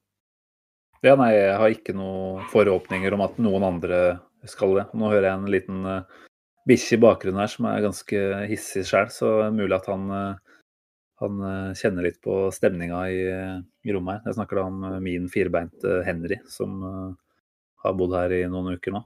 Men Nei, det er, det er, lite tiltro til Edu. Det er ingen tiltro til at Jeg syns jo du også var inne på det. altså Det er en, en eierside nå som på en måte slipper unna igjen, tenker jeg, mye av kritikken. og Det handler jo selvfølgelig om at det går så ekstremt dårlig sportslig, men da må vi se litt dypere på den bare resultatene. Men hvorfor går det så dårlig over lang tid nå? Det er strategier som endrer seg gang på gang, og det er overgangsavgjørelser som tas som er ikke til det beste for klubben. Så det er Jeg tenker Arteta er i gang med en jobb, og det er ikke gitt at det kommer til å gå bra, men han er i hvert fall i gang med den, og den jobben visste vi var stor. Så fikk vi kanskje alle litt uh, falske store forhåpninger når han hadde en såpass god start som han hadde. Kanskje han selv også uh, ble litt for begeistra når han tenkte at ja, men faen, manager, det kan jeg jo ta på meg. Da fikk han kanskje litt mye å gjøre. Litt mer enn det han hadde godt av uh, så tidlig i karrieren. Det vet jeg ikke. Men eh, nei, for min del så så fremt Arsenal ikke driver og flørter med nedrykksstreken om en uh, ti serierunder, så, så, tenker jeg at Arteta-prosjektet skal få lov til å få lov til å fortsette. Uh, selv om alle som er ute etter hva er prosessen og hvordan er egentlig dette prosjektet. Jeg har ikke noe godt svar på det, men jeg bare vet, eller tror i hvert fall at vi kommer til å være enda lenger unna et svar hvis han, hvis han sparkes.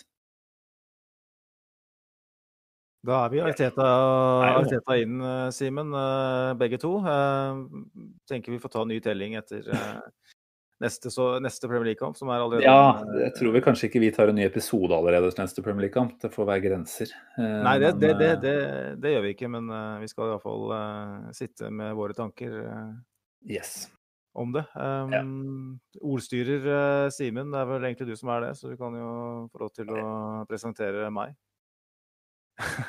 Som uh, innslaget av X-spilleren, eh, tenker du på? Ja, det er vel kanskje Ja, jeg syns jo det er tida for det, da. Nå har vi jo kasta bort uh, halvannen time her. Virkelig kasta bort. Vi har ikke kommet noe nærmere løsninga. Så da tenker jeg det eneste på en måte håndfaste, fornuftige, behagelige som den podkasten her kan by på med sikkerhet, er jo X-spillerspalten din.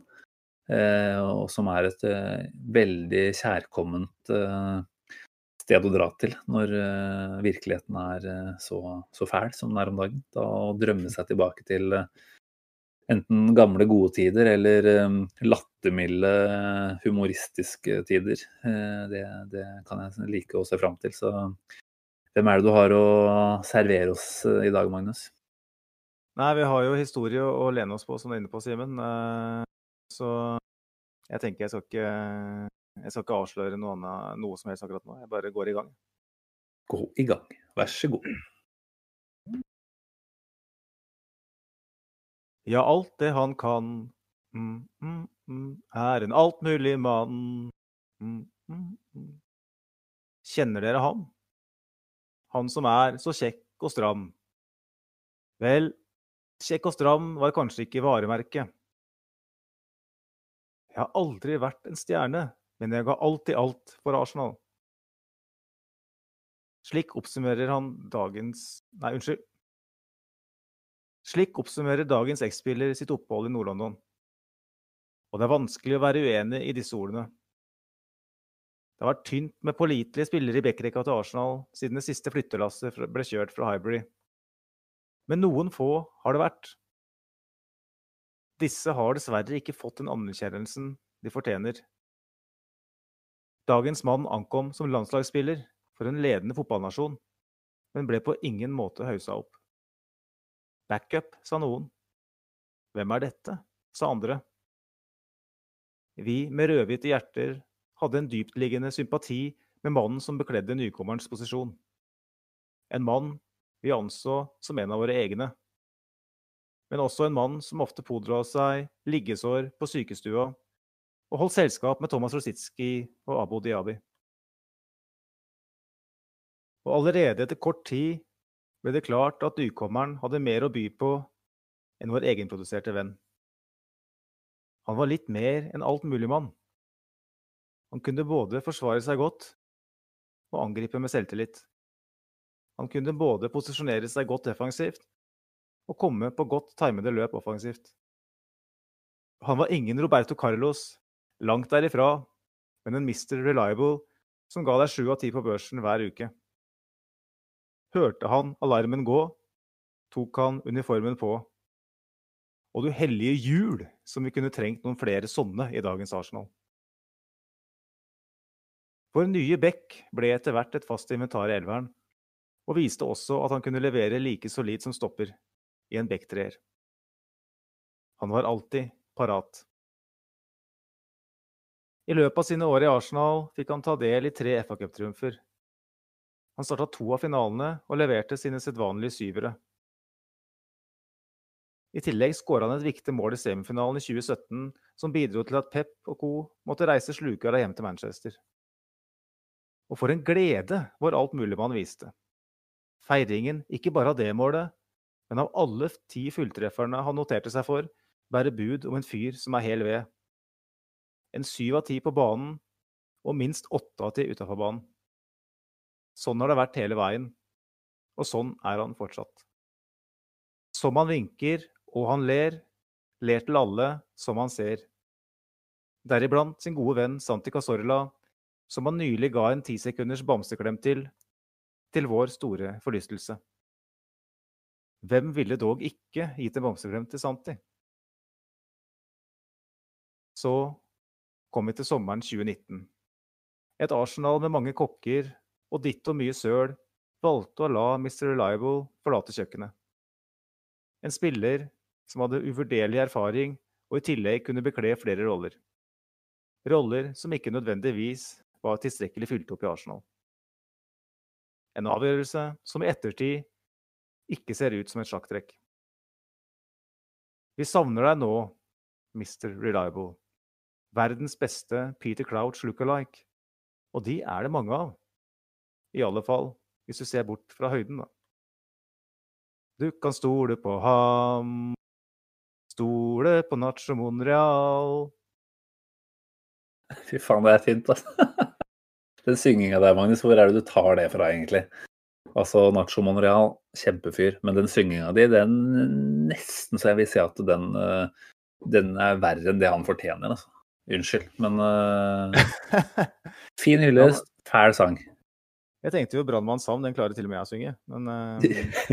Ja, du har jo en liten som du synger for hjemme, så det er mulig at hun gir deg litt for høy av selvtillit når det kommer til sangprestasjon. Men uh, jeg tror, tror, Jeg skal ikke ta vekk alt, altså, men det var dårlig syng synging. Men uh, der Nacho Monreal er en sju av ti, så er ikke du en, en sju av ti når det kommer til musikalske innslag. Nei, jeg skjønner jo det nå, da. Nå hadde sorry, jeg sorry. Sånn, kjørte litt på synginga mi etter et par, tre-fire år med synging for dattera mi, og nå kommer du og ødelegger det, så tusen takk.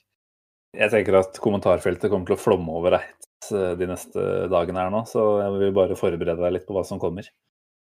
Nei, nei da. Men uh, fin fyr, må vi kunne si. Kanskje et av de dummere salget Arsenal har gjort eh, siste år. Fikk jo ikke penger for den omtrent, var vel en halv million pund vi fikk fra Real Sociedad. Og bare som type å ha i garderoben, så er, er han ene Når vi snakker om sånn som vi gjør tidligere i sending her, hvem, hvem, er det vi kan på en måte stole på at har, har riktig trekk ved seg, da. Så er jo han absolutt en av de vi kunne hatt nytte av å ha, ha i garderoben i disse dager, tror jeg. Ja, jeg føler jo at det ble traff blink akkurat på akkurat den her når det gjelder episode. Da. For det, det var jo, det, jeg tenkte ikke over det når jeg skrev den, men uh, vi mangler jo sånne typer som Monreal, og vi har snakka om det i hele podkasten. Uh, da passet det bra at han ble trukket fram. Mm. Et, uh, en spiller som absolutt ikke Jeg vet ikke hva, hvor dypt ønsket hans var for å, å rette ned til Spania, det, det, vet jeg ikke. Men for meg så virka det som en avgjørelse som var merkelig. Det er klart, Kirintini ble jo skada eh, akkurat omtrent da Monreal Mm. forsvant, så det kan jo være litt der. Men han hadde vi hatt bruk for eh, i fjor, og han tror jeg faktisk vi kunne hatt bruk for i år òg. Definitivt. Ja, vi har jo spilt uh, med tre bak i flere kamper, så det hadde ikke vært uh, umulig å fått passa inn han der. Nei, bra hyllest, Magnus, nok en gang. Takk skal du ha. Uh, dette her uh, podkast-makkverket har begynt å dra seg mot uh, to timer, tror jeg faktisk. Så jeg syns jo det er på høy tid å si at vi nærmer oss slutten. Uh, men før vi er helt der, så må vi bare komme med en liten spådom, Magnus. Hva har vi ventet de neste to Premier League-kampene? Southampton-Everton. Uh, Hjemme og så borte? ja, herregud. Det, jeg har ikke lyst til å være så jævla pessimistisk heller, altså, men eh, jeg, jeg, jeg er redd vi taper mot Southampton. Og så tror jeg kanskje vi overrasker og vinner borte mot Everton. Jeg, jeg sliter jo veldig med å si at vi skal klare å snu det mot Everton hvis vi får enda en smell i trynet mot Southampton. Det må jeg si. Eh, men det er klart sånn formessig så kan du si at Southampton er en tøffere motstander. De er jo i en fin flyt. Ser ut som et kjempebra lag, rett og slett. Henger sammen på alle mulige måter. Theo Walcott skal tilbake. Er det der vi skal få det fra? Eh, og eh, Everton er jo kanskje noe ut av form, så, så, det er ikke helt feil å Ja, nå vant de mot Chelsea sist, for så vidt, da, så kanskje jeg skal ta tilbake det. Um, jeg tenker jo vi trenger så mye poeng som mulig. Uh, og allikevel så sitter jeg med en følelse av at får vi uavgjort i begge de kampene her, altså to poeng, så skal vi være ganske fornøyd, egentlig. Det er så trist å si at det er eh, noe vi kan ta til takke med. Um, tabellposisjonmessig så vil jo ikke det ta oss noe sted. Um, men vi trenger, vi trenger, et resultat, og vi trenger det fort. Og Arteta trenger det fort. Han, uh, han står på planken og er ikke så veldig langt unna å bli dytta utfor uh, med sverd i ryggen. Så nå får vi virkelig se hva som bor i, i det laget her. Er de villige til å, å blø og dø for treneren sin, eller kaster de han under bussen? I hvert fall da flesteparten av dem, som de har gjort tidligere. Det blir veldig spennende. Uh, vi er vel tilbake igjen med en ny pod uh, etter Everton-kampen, tenker jeg. Hvis du orker. Hva tenker du om det, Magnus? Vi får nå se hvordan det går i de kampene. Men vi, vi er Die Hard Gooners, er vi ikke det, Simen? Så vi, vi, skal snakke om Arsenal, om det så er uh, nede i dypet av championship. Så vi skal uh, fortsette å snakke fotball og snakke Arsenal. Så vi ja, er ja, tilbake på, etter Everton.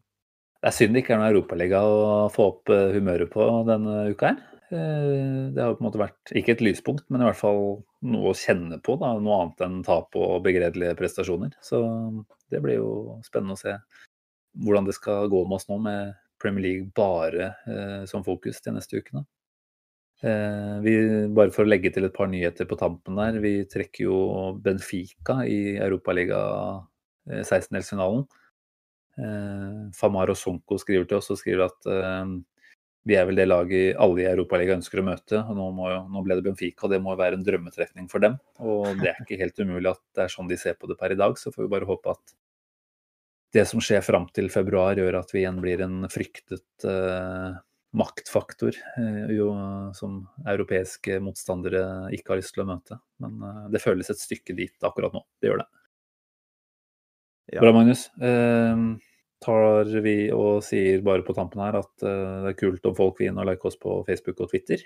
Legge igjen kommentarer og innspill når vi etterspør det i etterkant av kamper før uh, ny sending, så blir det fine bidrag til episoden her. Uh, du tok introen i dag, Magnus. Så tenker jeg jaggu du skal få lov til å kjøre outroen også, og si god kveld. Ja, det er jo en ære det, Simen. Jeg tenker at det eneste jeg har å si nå, er at vi introduserte oss som Hakk i plata-podkast. Eh, og kanskje er det sånn det oppleves, men eh, vi håper å kunne servere glede og optimisme i neste episode etter eh, Everton-kampen. Det er opp til dere, Arsenal, å, å sørge for det. Og noe annet så må jeg bare håpe at finne fram eh, strikketøyet eller uh, hva det måtte være for å finne, finne glede i noen annen hobby i mellomtida, så det ikke går fullstendig av skaftet hele gjengen. Fotball er ikke alt. Men vi høres ved neste korsvei.